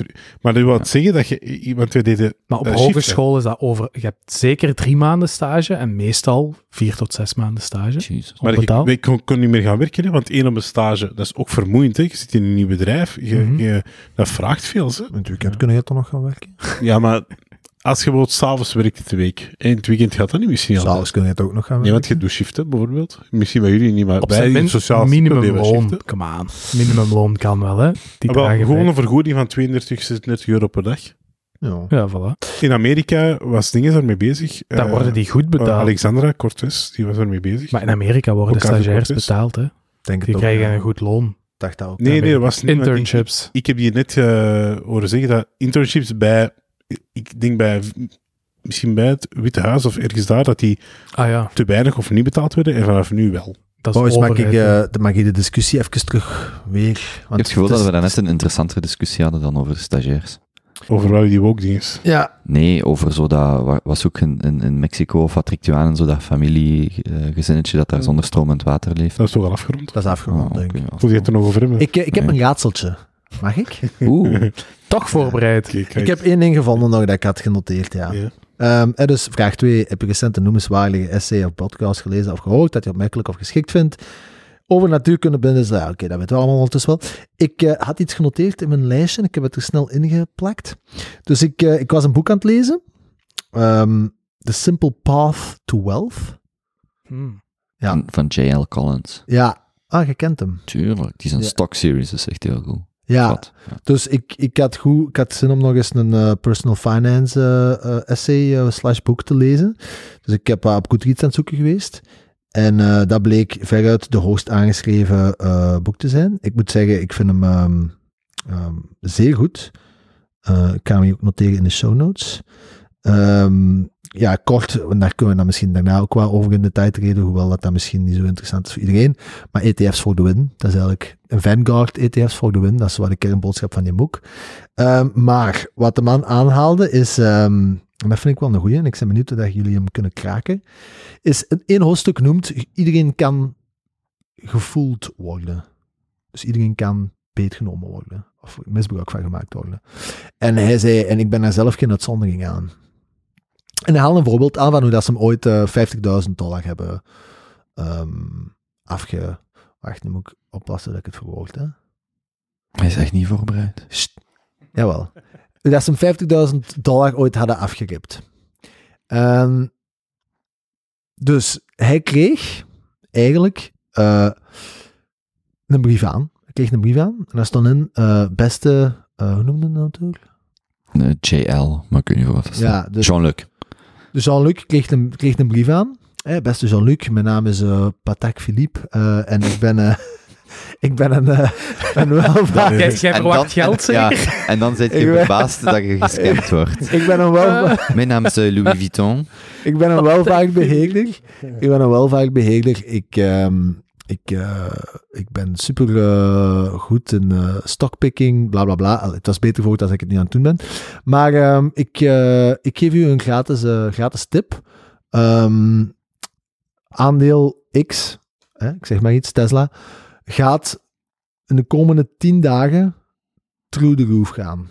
Ehm, ja, ik geef het maar mee, je moet mij niet geloven. Je zult wel zien, hè, als het niet gebeurt, ook goed. Ehm, en hij leest dat en hij denkt, ja, fuck, het zal wel zijn. Oké, goed. Ehm, tien dagen, zes dagen later, Tesla gaat through the roof. En hij, wow, maar oké, tju, dat is wel straf. Week later, volgende brief van meneer Patak Philippe. Ehm, dag Jean-Luc. Ja, eh, ja, je hebt misschien ondertussen wel gemerkt. Hè, ehm, ja, hè, eh, dus ik ben daar echt goed in. Ik geef je nog een tip. Ehm, Microsoft gaat volgende week keihard naar beneden. Ik geef maar voorbeelden van aandelen. Het waren er andere, ik zeg niet actief. Maar dat gaat 20 of 10 of 15 procent dalen in de komende 10 dagen. Maar je moet mij niet geloven, maar je hebt gezien hoe dat de vorige keer was. ehm bon, ehm, gezien maar. 10 dagen later, Microsoft 10, 15 procent naar beneden. En dan Jean-Luc begint na te denken van shit jong, wat is deze? Dat kan toch niet? En dat gebeurt zes keer na elkaar. Is echt gebeurd. Dus zes keer na elkaar krijgt hij een brief in zijn mailbox dat exact voorspelt wat er in de komende tien dagen gaat gebeuren met een specifiek aandeel. En hij denkt, ja, dat kan niet, want heel de kernzaak van zijn boek is ook, je kunt de beurs niet voorspellen, dat gaat niet. En dat is ook niet. Maar toch slaagde hij erin om zes keer de nagel op de kop. En de zevende keer kreeg hij dan een brief en die zei, ja, wij komen, ik kom volgende week organiseer ik een congres ehm, op die locatie en ehm, het is maar voor een heel select publiek. Eh, ik, heb je ook geselecteerd, hè, dus eh, je bent echt op selectie, eh, je bent door een selectie gegaan en je wordt uitgenodigd om aanwezig te zijn op die avond. Je rijdt daar naartoe, gigantische grandeur, alles erop en eraan. En die man komt zeer authentiek over, geeft een fantastische presentatie en daarna wordt hij uitgenodigd om 50.000 dollar in, zijn, in die man zijn fonds te steken. Ehm, want ja, hij heeft laten zien wat hem kan en eh, de return gaat ongelooflijk zijn. En hij heeft dat gedaan op die moment. En daarna heeft hij er nooit niks meer van gehoord. Samen met die tien andere Charles die dat daar eh, zaten. Nu is mijn vraag aan jullie. Hoe heeft die gast dat gedaan? Want ja, die heeft wel echt zes keer van tevoren, voordat het gebeurde, op tijd een brief gestuurd naar de Zoluk om te voorspellen wat een aandeel gedaan. How the fuck heeft hij dat gedaan? Jij Ik weet het dan. Ja. Eh, Maar moeten we out of the box denken? Of? Ja, Ba- Basja gaat het Jij weet het ook al. Ja, ja. Ah, ik, Hoe- vond hoe dat komt echt dat jij het ge- ik vond dat echt genius. Dat is eh, een bekend voorbeeld. Het is denk ik gelijk wel. in ieders datingleven. Ja, eigenlijk wel, ja. Gelijk wat? Wat wilt jij nog gokken? Geef mij eens een tip, ja. Het is ge- nee, het is gelijk je datingleven. Je belooft tien grieten de hemel op aarde. En eh, de één, voor één vallen ze af. Maar met eentje gaat het wel lukken dat die alles gelooft wat jij zegt. En dan zeg je, dit is het. Hm. Dus in dit geval gestart met 10.000 mensen. Je stuurt in een brief, dit gaat gebeuren. Bij zes mensen zal dat... in- bij- En bij de helft zeg je, het gaat naar beneden. Bij de andere helft zeg je, het gaat naar boven. 50% valt af. Over 10 dagen stuurt je nog naar, die naar de, eh, de helft die nog aanzit, dezelfde brief. 50% valt af. Dat is 50. Dat doet je zes stappen, waarop dat er nog 100 man overschiet, bij wijze van spreken. Die nodigt je uit en je zegt, en voor die zes mensen, dus voor de 100 van de 10.000 zit je exact correct. Of eh, ik zeg maar, eh, hoeveel, ik weet niet van buiten. En die nodigt je uit om 50.000 euro te betalen. Die denken, wauw, die kan alles voorspellen. Dat is Maar toch genius? eh, die- Oké, maar het eerste dat je toch doet, is je persoon intikken op Google. En dan gaat er toch ergens in... Dit is in de jaren 80 of zo, of 90 dat de cassette Ah, oké, zat. dat is Toen in kon de dat jaren 80. allemaal. Maar hoeveel mails kregen wij de laatste weken? Phishing mails van, als je hierbij betaalt, eh kunt je je postpakketje komen ophalen. Ja, ja. Ja, oké. Ja, dat dat bepaald. dat- Een aantal mensen denken, ah ja, ik heb een pakketje ontvangen, die staan daar niet bij staan en betaalt en klaar. Ja, dat is waar. Dat is wel heel cool gedaan, eigenlijk. eh. Ik vond dat echt, ik was aan het lezen en ik was echt, wow, Ja, daar zou ik ook nog kunnen intrappen. Maar eigenlijk, als je Ja. met die informatie die je nu hebt, zou, en je zou terug in tijd gaan, zou je heel veel mensen kunnen afrippen. Want, Ja, ja, nee, maar... Kunt je nu ook, Nee, maar kunt nu ook ook. veel mensen dan. Ja, de maar- beste manier vandaag om mensen af te rippen, ik heb dit niet Een gezegd. NFC. Nee, nee, nee, nee, ja, ook. Ehm, ook. Je maakt gewoon, en Jonas kan dat maken, een mock-up van uw bankkont, bank, eh, app, die een mobiele Wat is een betaling doet. Ja, gewoon een, een, een, een, een- ja, een app die dat nabootst. Hè. Dus Ziet eruit alsof. ja, een, ja, Peconic. ja, bijvoorbeeld Payconic of KBC of ene. En je, en je maakt die eigenlijk exact na, hoe- dus hoe dat die app erop zit. Ik kom bij u iets betalen. Ehm, en ik doe alsof dat de betaling, ik zeg, ja, maar hè, dus de betaling is uitgevoerd, morgen staat dat op uw rekening. En ik pak uw product mee. Ah, ja, zo. En dat is geno- gewoon nooit gewerkt. Dus jij schat een QR-code, er komt oké op te staan. Ja. Ah. PSA, tweedehands, heeft een betaalverzoekfunctie. Gebruik dat. Dan zit je tenminste beschermd. Ja, inderdaad. En dan Maar dat is, een, je- dat is een super legit manier om dat te doen. Bijvoorbeeld mijn vader die zegt, eh, ik heb een probleem bij mijn gsm. Ik breng die binnen in een, eh, in een eh, zo'n re- repareerd ding. Ja. Ik zeg, dat mag. Maar besef dat die gast Dus aan alles kan in uw gsm. Alles. Ik zeg, want ik kan binnen 20 seconden mijn Face ID instellen op uw gsm zonder dat jij dat... ah, Print ID, toen, was, Ja. nog, toen was het denk ik met... Ik zeg, binnen 10 seconden kan ik dat doen. Zonder dat jij dat doorhebt. Zonder dat jij je van enig kwaad bewust bent, want jij zit niet mee met die technologie. Dan heeft hij toegang tot uw, al uw bankapps, uw It's Me, alles. Mhm. De kans dat dat gebeurt is klein, maar zo worden superveel mensen opgelicht. Ja. Maar niet per se in die winkels, maar zo dat soort type dingen van, ah, ik ga je even helpen, gelijk vroeger de horloges afstelen. Gewoon even iets instellen. Maar ja, goed. Zijn jullie al gescamd Het geweest? ging toch over personal finance, niet? Dacht, eh, Oké, personal finance kan ook. Heb jij nog al ooit geld kwijtgeraakt aan een scam? Niemand? Ik wel. Ik ook, ik Eh, eh, 200 euro is aan de eerste iPhones. Hoezo? Eerste iPhones. Ja, iemand, eh, eh, een gast op, eh, in mijn middelbare school verkocht, de- toen de iPhones net uitkwamen, verkocht hij iPhones. Mhm. Heb ik ooit ook nog gedaan. En eh, die waren zo fake als iets. Nee, dat heb ik wel niet gedaan. En dat wist ik niet. Dus dat was gewoon echt een Chinese namaak. Maar het zag eruit als een iPhone. Maar alleen bijvoorbeeld als je... Toen moest je er ontgrendelen. iPhones, iPhones zijn ook Chinees, hè. Chinese namaak iPhones. Chinese namaak iPhones. Ja, toch? Ja? En eh, als je dan slide, duurt dat gewoon iets langer voordat dat scherm opendeed. Want dan zeg je gewoon, ja, dat is mijn software. Ik moet dat gewoon even... eh, Hmm. En je mocht dat testen, dus ik betaal er dan voor. En dat kostte dan een derde van die prijs. En dan is... En dat werkte niet. eh, dat was zo een eh, Chinese namaak iPhone, waarbij dat geen echte iPhone was, maar dat je twee simkaarten in kon steken, bijvoorbeeld. Ah, ja, dat, dat kon toen niet. Hmm. En, maar ik kende iPhone niet. Ja. Ik wou het gewoon hebben, omdat ik dat cool vond en ik wou ermee uitpakken. Je weet dat gewoon niet dan. Dus ik koop eigenlijk twee gsm's en daarna heb ik dat opgezocht. En dan, die waren misschien 30 euro waard. Maar ik heb er toen bijna 200 euro voor gegeven. Mhm. Dus dat is, en en eh, dat is echt waar. Dat is iets, dus tot op de dag van vandaag schaam ik mij erover. Omdat ik zo dom ben geweest om dat te doen. Maar hoe oud was jij toen? In, misschien 15 of zo. Maar dat is veel geld op dat moment. Dat was Dat is echt heel veel. geld. Eh, Dat is nog altijd En ik denk geld. vaak, als ik die gast zie, Wat dan? eh, ik weet niet hoe dat ik er... Allee, Geef je die nou maar dat is- je kunt zeggen dat is een, een, een qua jongenstreek, maar dat is al, serie- allee, dat is al serieus. Dat is echt puur oplichting, maar hoe... Ja. Ik weet niet hoe dat ik zou reageren. Er zijn wel dingen van mij gestolen, maar niet echt gescamd. Denk Hmm. ik, voor zover ik weet. Hoe zeg jij Nooit gescamd, Jonas? laten Dat vind ik, vind ik straf dat jij al gescamd zei. Oh ja. Dat Ehm, is een relatie. eh, Als je, als je getrouwd bent, is dat mopje wel beter. Hij is getrouwd.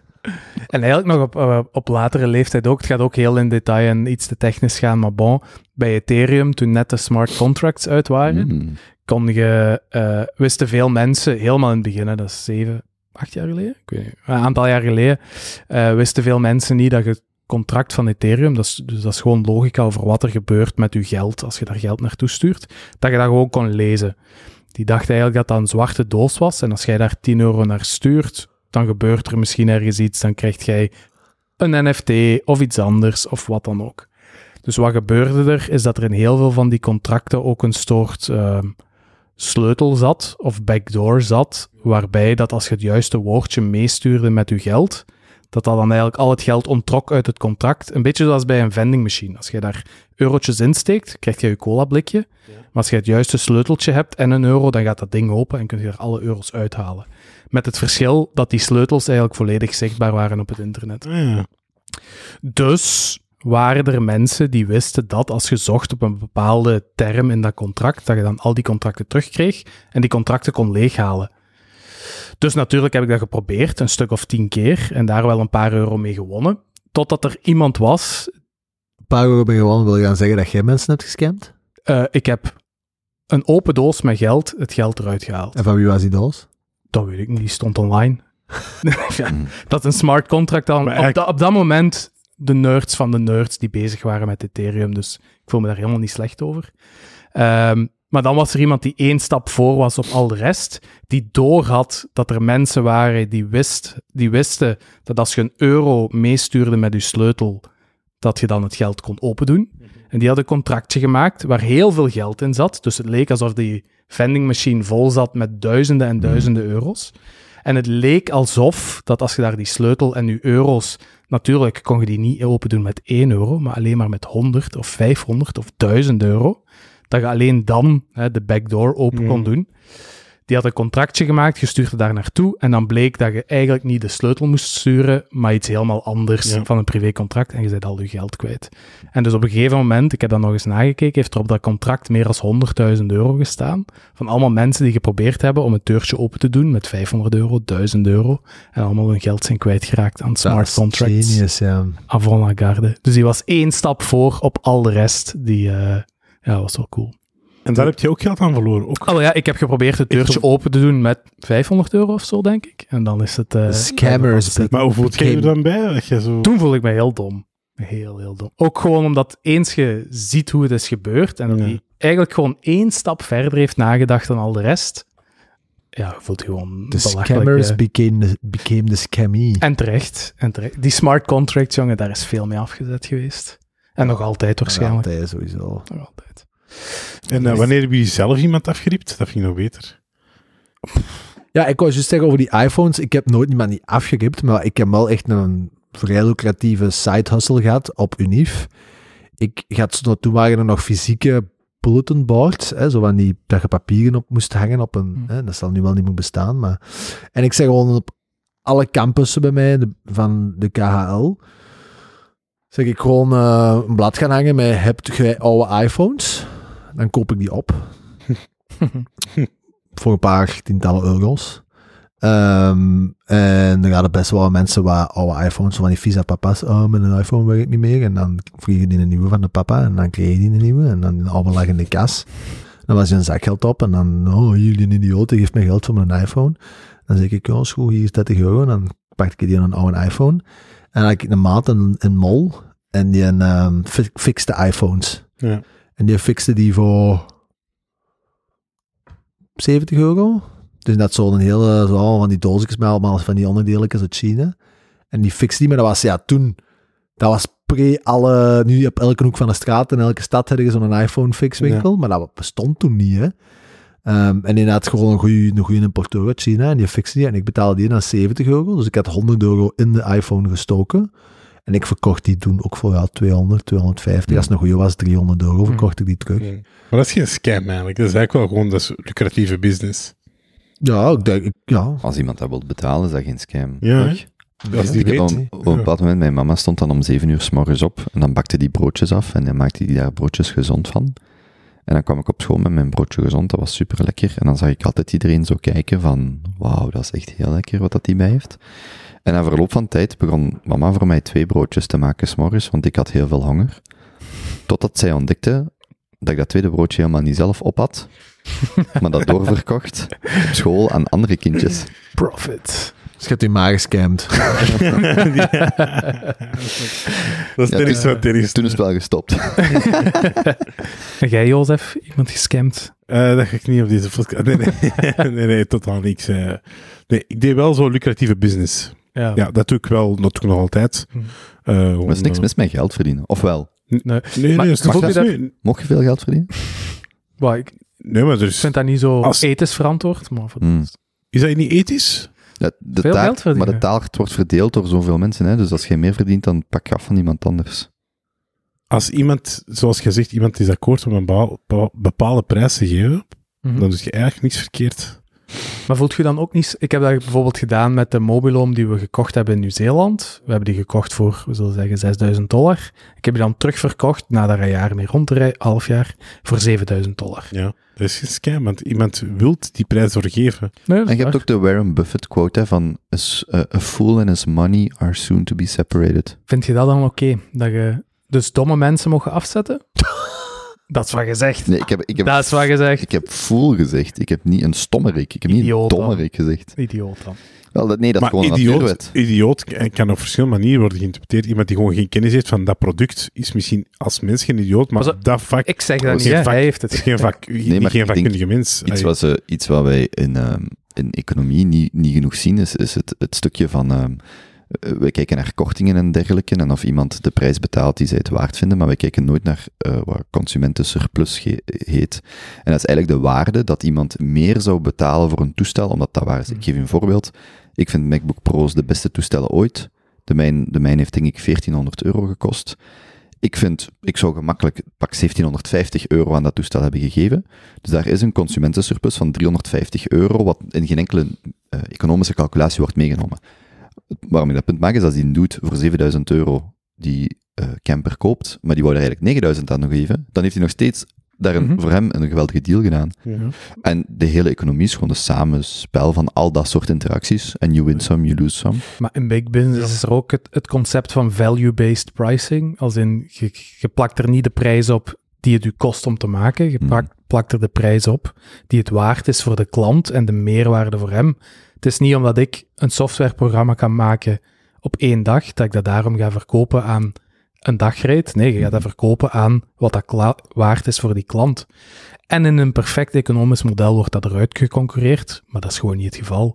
Je gaat gewoon vragen aan die klant, wat is u dat waard? Wat brengt u dat op? Pak daar een procentje van en je rekent dat bedrag aan. Ja, ik wou juist zeggen, ik denk iedereen die dat ondertussen iets of wat carrière opgedaan in de privé, dan leed het toch ook gewoon het Jij niet, Basja. hey, dat, hey, dat zegt hij, hè? Ik, ik ook niet trouwens, ik ook niet. Ja, maar jij moet, maar je moet niet naar mij zien, luister eens gewoon naar wat Benny zegt. Ik ben gewoon blij voor u voor andere redenen, maar dat, dat, dat kunnen we later nog vertellen. Oké. Eh, we hebben best wel veel reden om blij te zijn voor Basja hè, vandaag. Ja? Ja? Ik vind dat wel. Het is een warme dag. ja. Allee, we mogen er nog niet te veel over zeggen, maar je hebt wel goede vooruitzichten, toch? Ja, inderdaad. Ik, Allee. ik ga stoppen met Junto Boys. Dus, eh, nee, Maar bon, zo dan in van de komende afleveringen wel wat meer in, eh maar bon. Ehm, nee, zo het idee van, en ik merk dat nu soms nog, bij mensen die dat dan eh, bij ons starten een tijd werken, van ja, maar je, je moet toch de, de juiste en de correcte prijs vragen. Hmm. En dan zo, no, no, there is no right price. Het is toch wat... Hoe maar, maar, er Ja. is toch, je wilt toch mensen niet, je wilt toch mensen niet in het zak zetten? Wat is juist? Wat Ja. is niet juist? Er Iedereen is geen tevreden. juiste prijs. Iedereen is blij. Er is geen juiste prijs. Dat is, dat is niet Het zoiets is wat een mens eraan wilt geven, is dat waard. Exact, exact dat. Exact dat. dat. Als wat iemand eraan wilt geven, dat is het waard. Hè? En als die mens nadat hij het heeft gekocht met een goed gevoel overblijft, is dat de juiste prijs geweest. Dat is het toch? Maar bijvoorbeeld, ik ben, ik ben de vorige week een tv gaan halen. Eh, maar ik heb die niet echt heel uitvoerig kunnen testen, maar die werkt... Staat daar raam open trouwens? eh, nee. Ah, oké, sorry. Eh, die, die tv wordt zo even getest, maar ik weet niet bijvoorbeeld of dat die na een uur misschien zou uitvallen, of dat die, hoe dat geluid is als je dat haar luider zet. Maar die persoon vraagt 200 euro, die kan het heel goed uitleggen, en ik denk, weet je, die prijs, die tv is dat waard. Maar stel je voor dat die na een week, eh, dat, die, dat die tv eigenlijk, dat bijvoorbeeld bepaalde kanalen niet werken, of ik weet niet, bepaalde ingangen. En die zegt dat niet tegen mij. Ben ik dan afgeriept?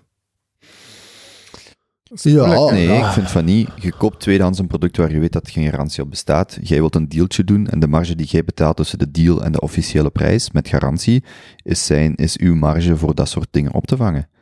Als een nieuwe tv 600 euro kost met garantie, dan is 400 euro de prijs die jij voor betaalt voor dat soort grapjes. Natuurlijk, als het verder gaat over verborgen gebreken, daar is wetgeving rond, hè.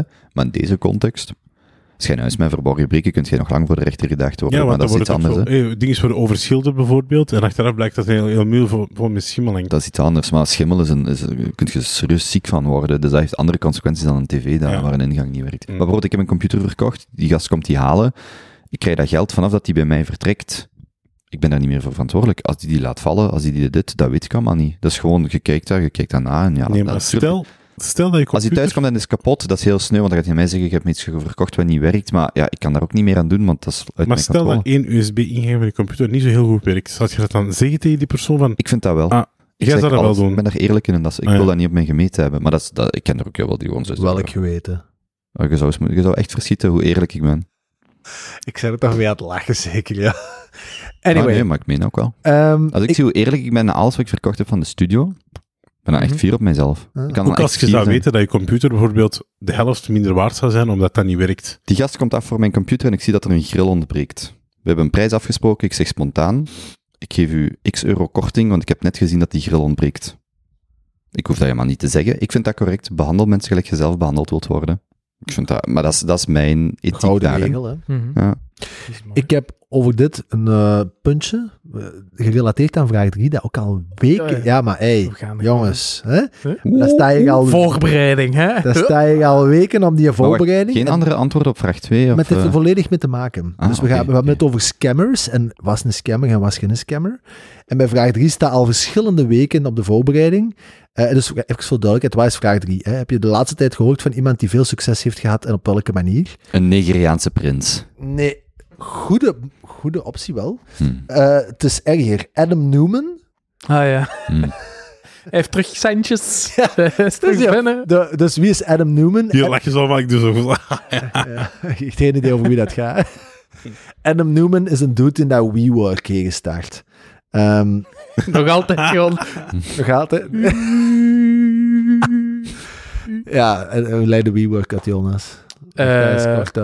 WeWork was een van de eerste die probeerde om ehm, kantoren voor bedrijfjes te verhuren aan opstartende bedrijven. Dus in plaats van dat jij bij een groot IMO-kantoor een ik weet niet hoe lang contract moet afsluiten om een kantoor te huren, kon je bij WeWork plaatsjes huren of kleine kantoortjes of een conferentieruimte en al die zaken rechtstreeks bij hun huren. Hmm. Wat dat ze eigenlijk deden was grote kantoren opkopen ehm, Of en op dan, lange termijn huren. of op lange termijn Zelf huren. huren en dan... Ja, en dan zo verder verhuren en daar marge op pakte. Dus eigenlijk zo'n beetje het, het McDonald's-model van meer in de IMO te zitten. Hè, gebouwen kopen en dan later proberen te verkopen. Ehm, ze hebben dat heel lang geprobeerd en goed volgehouden, maar het is nooit echt goed vertrokken. En dat is nog, vooral een hele charismatische man ook, die, Ja, die Is hij in doet België? die, Is hij in België? Of... nee, wereldwijd. Ah. Amerikaan. Ah, die doet echt een soort van fugazi. Zo een, een, een, een, eh, een, door zijn charisma en door zijn goede babbel en door zijn uitleg en door de marketing rond WeWork heeft hij erin geslaagd om ehm, die waardering op te blazen tot 46 miljard. Terwijl dat eigenlijk inherent, want ja, die business is vrij straightforward. Die huren panden of die kopen panden, die delen dat op en die verhuren die met een beetje extra marge. Dus dat, dat kon nooit Je kunt daar niet wa- mee doen. Ja, je- je weet heel makkelijk, dat is een real estate business. Dus Ja. je weet inherent wat dat dan waard is. Dat is Ja. gewoon cash comes in, cash comes out en je pakt daar een multiple op. Maar ja, toch niet. Want de meest gesofisticeerde investeerders zijn erin meegegaan. Mhm.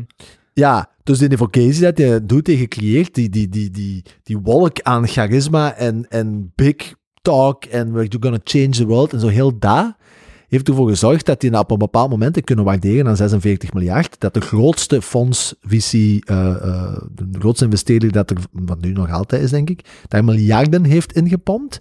En op een gegeven moment is dat spel gewoon gepopt. En Apple heeft daar een serie van gemaakt. Eh wie... Hoe noemde die weer? Nog Apple niet gezien. Apple? Of wat? Ja, ja, Apple heeft daar die- met, met dingen, die een acteur, een heel goede acteur, die uh, de Joker ook heeft gespeeld. Hoe noemt hem weer? Ja, Zijn naam kwijt. Heath Ledger. Nee, niet, Die, die nee, eh, is- die is al even dood, hè. Ja, maar ik weet niet wanneer dat hij gedaan is. hè. Misschien Ook was niet Joaquin avond Phoenix. Zijn andere ertussen. Die gaat... Ah, Jared, Jared Leto speelt, speelt dan Adam Ah, ja, Newman. Dat is eigenlijk, was echt goed. Echt een aanrader. Maar die gast is echt zo completely off the rails gegaan. Maar die heeft dus miljarden aan investeerdersgeld doorgebratst met de meest extravagante dingen ook, voor zijn eigen. Ja. Ehm, Dus een oplichter eigenlijk.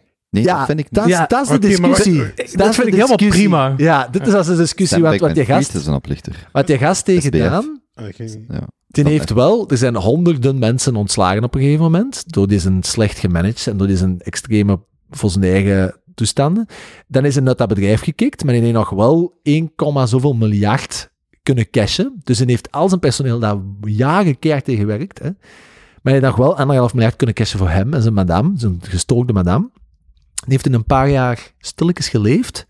En nu, een paar maanden geleden, heeft hij eh, is hij bekendgemaakt dat men een nieuwe start-up heeft, genaamd Flow. En hij heeft 350 miljoen opgehaald bij A16Z, een van de grootste VC-bureaus van de wereld. En die is een interview van die gast, dat hij nu terug uitlegt wat dat hij doet met Flow. En dat ze die echt ook challengen. En ik zeg het u, je moet dat zien. Want ik heb nog nooit iemand zo meesterlijk zien manipuleren en de waarheid zien. Op het einde van dat interview was ik, ja, de Adam, ja, dat is een goede gast, hè. Dat is kut wat in is overkomen, hè. Die bedoelt het allemaal goed. Ah, ja. Topkerel. Die is niet normaal. Is dat, dat is nu met die Dark Kitchen zo? Flow? Nee, Flow is eh eigenlijk WeWork, maar dan voor eh, rental eh, re- real estate. Ah, maar ik dacht dat hij nu stilletjes in Zuid-Amerika bezig was met zo die Dark Kitchens. Nee, dat is een gast van, dat is founder van Uber. Ah. Ja. Oké. Maar dus, mijn vraag aan jullie, en jij, jij zit er denk ik wat meer mee mee als Basja, maar die doet dat hij nu opnieuw 350 miljoen ophaalt. Mhm. Als hij niet liegt in zijn slides en zijn Excels, en mensen die zichzelf slim vinden investeren daarin, dan is er voor mij niks gebeurd. Dan is Ja, en ook, hij is zes, iedereen dom geweest. er zijn 46 miljard meer redenen om hem in te investeren, want hij heeft de fout al gemaakt. Dus hij is slimmer dan dat hem vroeger was, en toen was hem 46 miljard waard. Dus waarom zou je er nu niet in Maar heeft hij investeren? vroeger gelogen? Want dat is, dat is- Maar dat is altijd, ja, dat is, dat is wat Jonas ook zegt. Als hij iemand, gelijk daarmee dat ik zo Sam Bankman-Fried aanhaal, dat is heel duidelijk dat die mensen gewoon opgelicht heeft. Dat is heel duidelijk. Bij, bij, als, jij, als jij een bedrijf start en je verkoopt mij een aandeel, en ik vind dat dat 100 euro waard is, maar Ja. ik is maar 2 euro waard, dan heb je mij niet opgelicht, voor zolang dat jij inderdaad je cijfers niet repre- eh, misrepresenteert. Maar, ja, Wat heel veel gebeurt in startups is dat je zegt, ah, maar nu verdien ik 1000 euro per maand, maar binnen een jaar ga ik er 100.000 verdi- verdienen. Geloof mij. Gaat goed komen. Je moet wel nu investeren, want anders gaat je die winst niet hebben. Mhm. Je hebt dan niet gelogen, Nee. Maar waar ligt die grens? Hè? Je kunt heel veel nummertjes blijven fantaseren en lijntjes, lijntjes omhoog trekken is heel gemakkelijk. Als in, oh, maar ik heb nu één gebruiker, morgen twee gebruiker, overmorgen vier. Als we dat gewoon verdubbelen iedere dag, heb ik er binnen een jaar 5 miljard. Dus Basja, je moet investeren, want er komen 5 Hoeveel miljard. moet je hebben? Kan ik cash betalen? nee, maar, dat- Jij mocht in Natura maar ik denk gewoon... Was op Baba Ganoush. Ja, ja.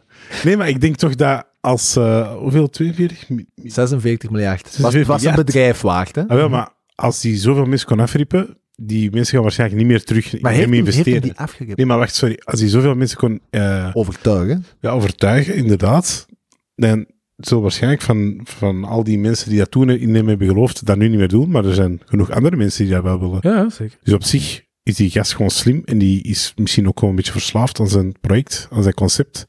Maar als dat werkt, dat is toch cool? Ja, als je het Maar als je zijn naam intikt op Google of als je erover babbelt in een bepaalde sfeer, heeft hij een goede naam, die mens. Nee, nee, echt geen goede naam. Maar dat is het hem net. Dan zijn er minder andere mensen die erin investeren. Dus als jij dan investeert, heb je veel meer voor je geld. En als je het dan wel doet, heb je nog meer winst. Dus je moet zeker investeren in fraudeurs. Nee, dat, is, dat is- prachtig. nee. Maar het ding Dat is, is, dat, is, dat is graaf. daarom vind ik dat zo'n interessante casus, want die gast... eh allee, de boel, ik kan, ik kan, ik kan het steelmannen en een gigantische bull case scenario voor hem maken en een gigantische bear case scenario.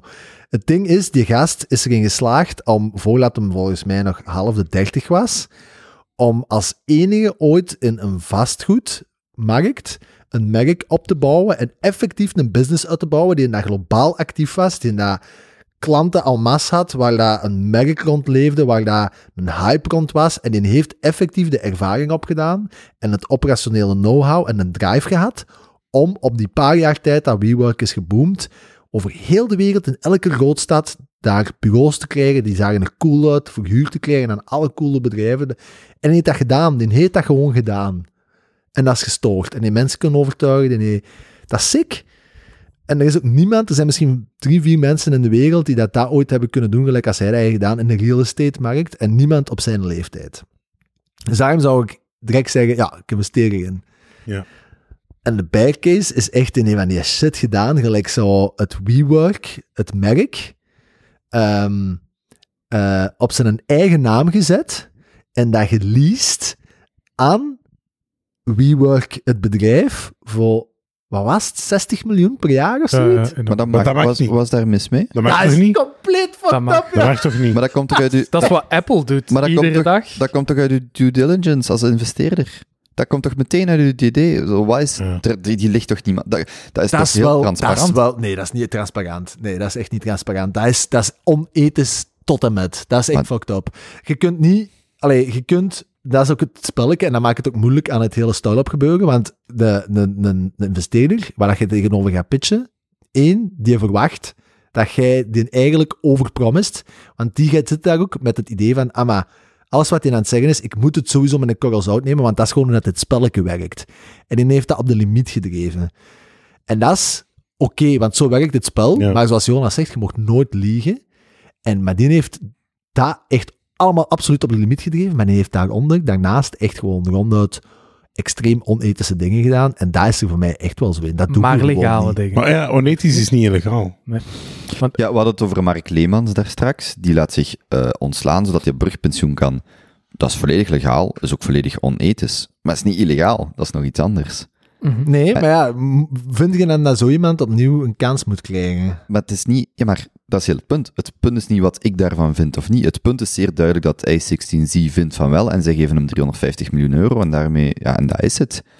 Ja. Allee, als... als als jij nu een ruzie hebt met een medewerker en je slaat die, of jij, die breekt een arm, en daardoor concludeert iemand dat ze niet in u willen investeren, maar iemand anders zegt, ja, dat gebeurt, ik geef u wel een miljoen euro, dat is dan niet aan mij om te zeggen, eh, wat vind ik daarvan? Als, ik bedoel, ik kan dat wel zeggen, maar zolang dat er één persoon in u, u geeft wat jij nodig hebt, is er aan zich, opnieuw, zolang er niks illegaal is in, in wat je representeert. Huppes die op pensioen gaat, dat is met uw geld.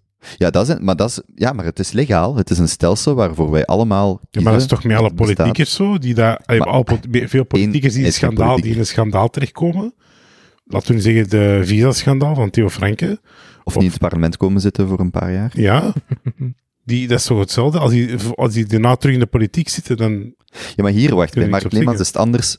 Die gaat op brugpensioen. Brugpensioen is gemaakt voor mensen op te vangen en die terug aan het werk te krijgen op latere leeftijd. Maar omdat die ouder zijn, is er een opvangnet. Hij gebruikt brugpensioen als werkloosheidsuitkering totdat hij zijn volledig pensioen krijgt en wil niet meer gaan werken. Dus dat is echt gewoon, dat is binnen de regels, dat gebeurt meer, maar dat is onethisch. Maar dat is wel volledig legaal. Ja, oké, maar je moet mensen toch, uiteraard, je hebt de legale, maar je hebt de, je hebt de illegale Mhm. eh, eh, ja, grens, maar je hebt toch ook het, het ethische aspect van wat dat mensen doen.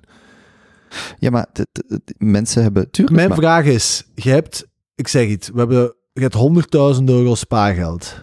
Steek je dat terug in Adam Newman zijn bedrijf? ja, maar dat is mijn keuze.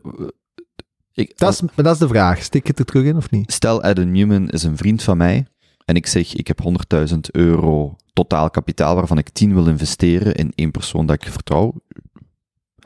Maar watgeen wat je van die doet weet, je het in? Maar ik ken die niet? persoon niet. Ik ken die niet. Ik ken alleen wat de media erover vertelt. En als Ja, we één ding weten, is dat de media... Ja, maar, Ja, maar- je steekt zoveel geld in bedrijven waar je alleen weet van de media. Ja, maar ik heb nog mensen waarvan ik denk, ook al gaan die failliet, als, ik, als die met een plan komen wat voor mij klopt, dan waarom zou ik die geen geld geven? Nee, Maar je kijkt toch niet alleen naar iemand zijn plan, je kijkt ook naar iemand zijn verleden, hoe dat iemand zich gedraagt, hoe dat... Ja? Ja. Hetgeen dat je van in... Allee, ik, ik zit er soms zelf mee beeld, maar ik, ik, ik denk dus, mijn standpunt is, ik vertrouw die doet voor geen haar. en je moet dat echt... Het is echt fascinerend. Je moet echt eens zien, vooral jij, je bent ook bezig met hoe dat je mensen voor media eh, Mm. moet op gaan leiden. Hè? Dat is, het is echt onvoorstelbaar. Het is, je moet dat interview echt... Ik zat daar echt naar te kijken, zo in een auto, want ik was eh, aan het luisteren in een auto, en ik was echt van, dude, Mm. dit is echt mediamanipulatie en zo het bespelen van... van ah, het is... Het is En er zijn zoveel opties die die bagage niet hebben. Dus waarom zou je dan voor Andrew Ja, kiezen? omdat daar de, de grote meerwaarde in zit. dat Ja. doet de vorige keer wel. Als je op tijd in WeWork zat, dan werd je op tijd uit. Met WeWork en eh, nog van dat soort bedrijven is ook gewoon de vraag, wij leven niet meer in de zero-interest maatschappij van de afgelopen 15 jaar, dus dat soort excessen, eh, de kans is ook gewoon kleiner dat dat nog gaat gebeuren. WeWork is nog altijd beursgenoteerd trouwens. Mhm. En goed bezig. doen het nog altijd goed. Ja, Goed, ja, wel eerst Maar ik vind wel naar 6 niet- miljard. Maar en- Benny, ik vind wel niet dat je een founder, opnieuw, hè, zolang het niet illegaal is, kunt kwalijk nemen wat de markt aan zijn bedrijf. Als iemand morgen naar u komt en die zegt, Tuurlijk eh, niet. ik vind echt. 100 miljoen waard, en dan komen, maken er gasten een podcast die zeggen, ja, maar eh, als je naar de cijfers kijkt van bouwleving, op dat moment, het was wel x waard, maar toch zeker geen 100 miljoen. En hoe zou hij het gerepresenteerd hebben? Want ik heb hem eens horen vertellen over, en nu maken we er een serie over.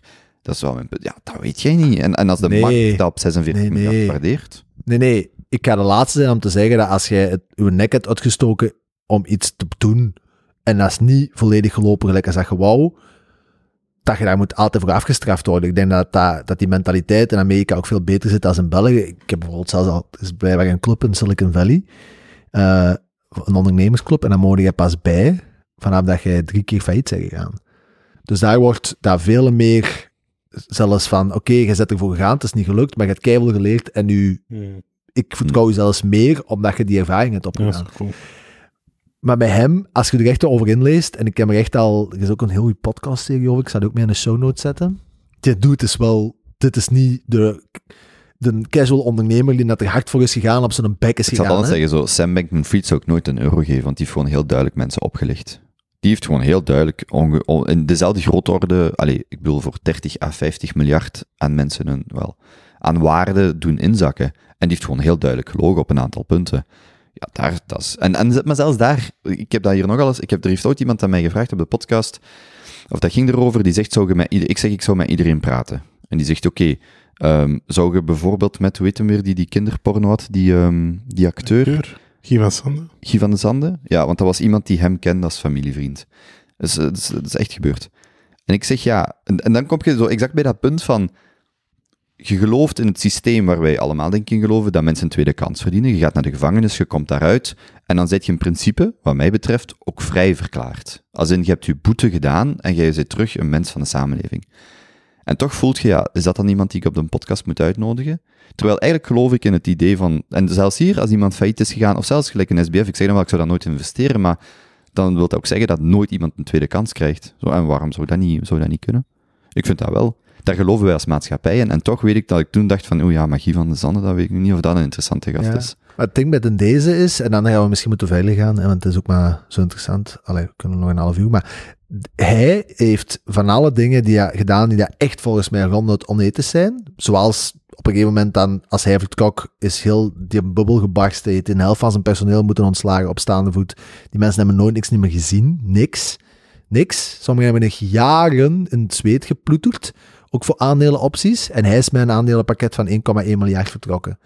En hij heeft ervoor gezorgd dat die mensen op een duur zijn met honderden moeten ontslagen worden. Dus dat zo al, dat vind Ja. ik al iets, dat zegt al heel veel. Ehm, en hij, maar het ding is, die is nooit gestraft. Die, allee, gestraft. Die heeft ook niks nooit, gedaan. Heeft niks gedaan. Dat gebeurt volgens mij iedere dag, wat je nu zegt. Daar is gewoon een serie van gemaakt. Er zijn sowieso fami- familiebedrijven. Daar moet je eens over inlezen. In België zijn er ook veel familiebedrijven. Die zullen ook iedereen erin naaien om hun eigen familie Ja. meer geld te hebben.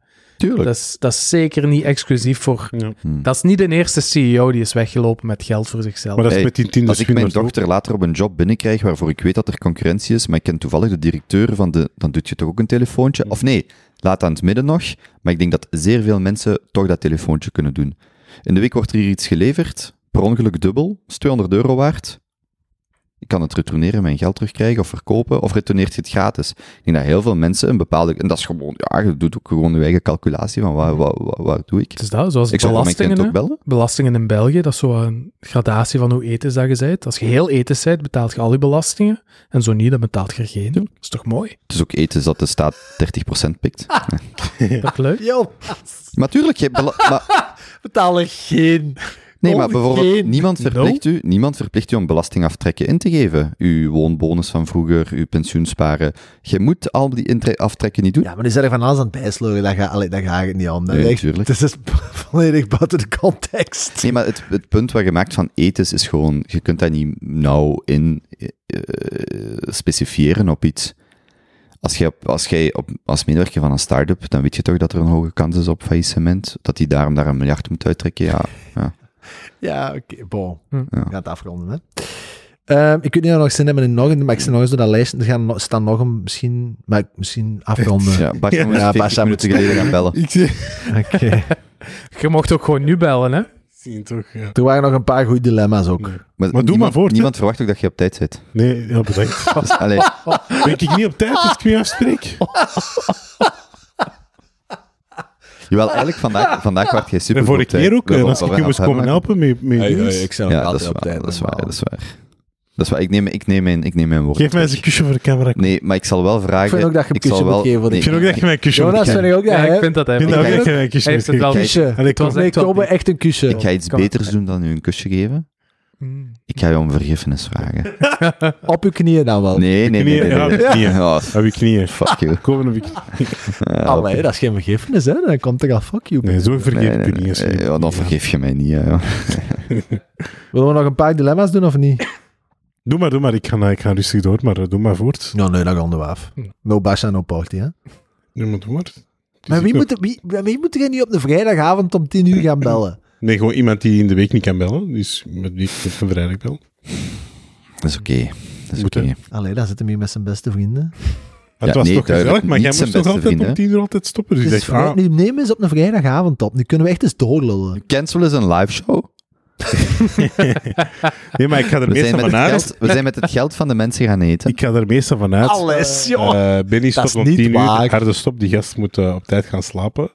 Dus Wij dacht, nemen ah, normaal gezien op dinsdagochtend. Maar ik Dinsdagavond. plan bijna nooit iets na, na, na een podcast. Maar vandaag had ik zo, ah, rond tien uur. Ja, meestal Het stoppen. is toch al futu. Je zit al over tijd.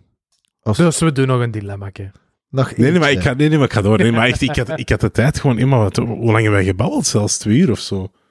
Bijna. half, denk ik. Over geld de hele tijd. Wat de hel? Hey, vertel nog iets wat Is jij, het over geld? Dat is toch niet waar? Wat is de meest onethische situatie waar jij in hebt gezeten, Basje? Maar ik, ik, ik heb niks meer te vertellen. Of wat is de Eh, grens tussen ethisch en onethisch? Niks te vertellen, maar je wilt gaan bellen? Ja, over het leven. Ik moet eh, iemand raad en daad gaan meegeven.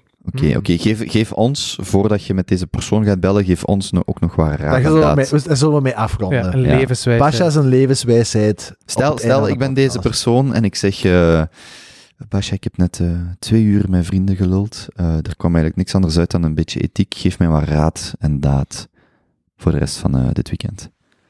Laat me met rust komen. Dat is mijn raad.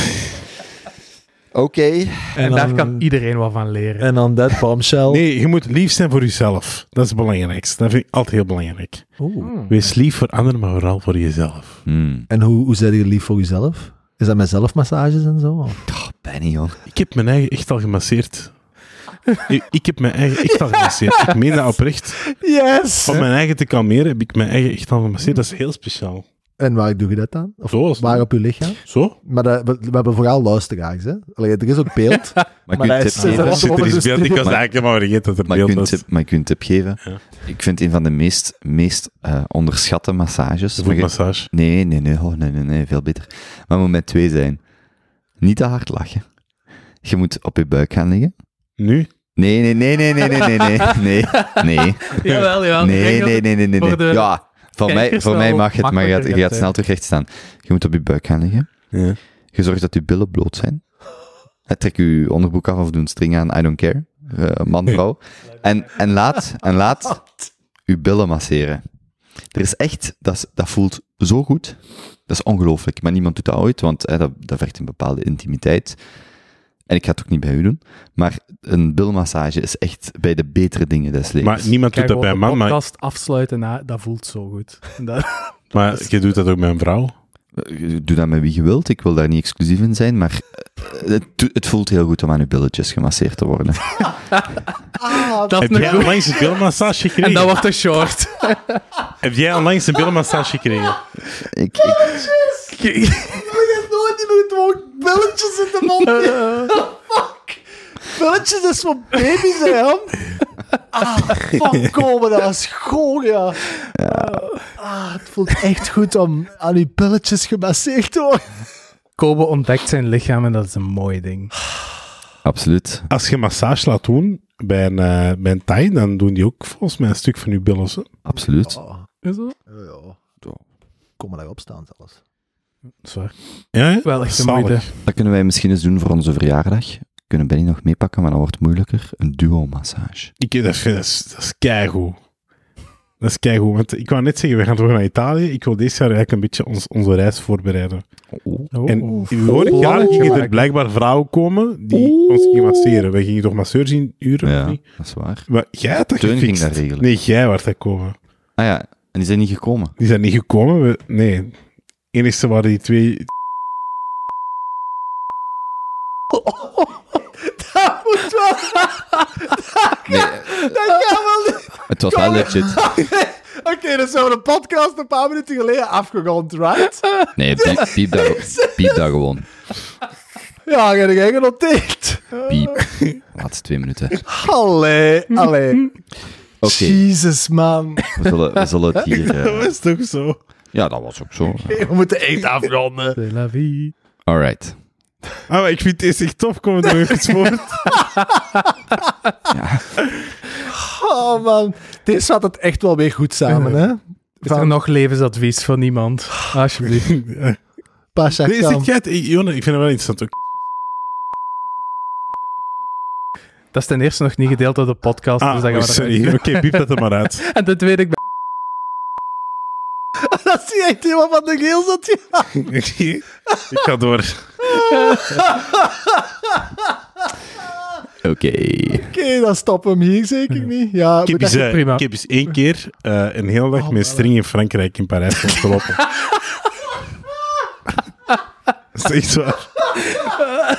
Oké. Ja. En hoe voelde dat? Oké, dat alright. Maar gaan we echt niet stoppen? Pasha, Pa- in een babaganoes voor af te sluiten. Ik kan... Nee, ik vind wel niet... Maar Het string in Frankrijk? Pasha, je moet het toch Waarom? vertellen wat... Je kunt niet... Mag dat er nu in of niet? Maar Ja, maar is- dat gaat er zeker in. hoor. Baba Garouche. Jozef, Jozef is beu. Doe maar op eh, die rode knop. Die rode knop. Dit was echt het beste einde ooit. Nee, niet die, ja.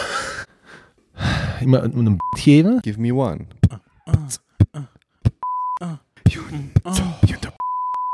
Junto. Junto. Junto.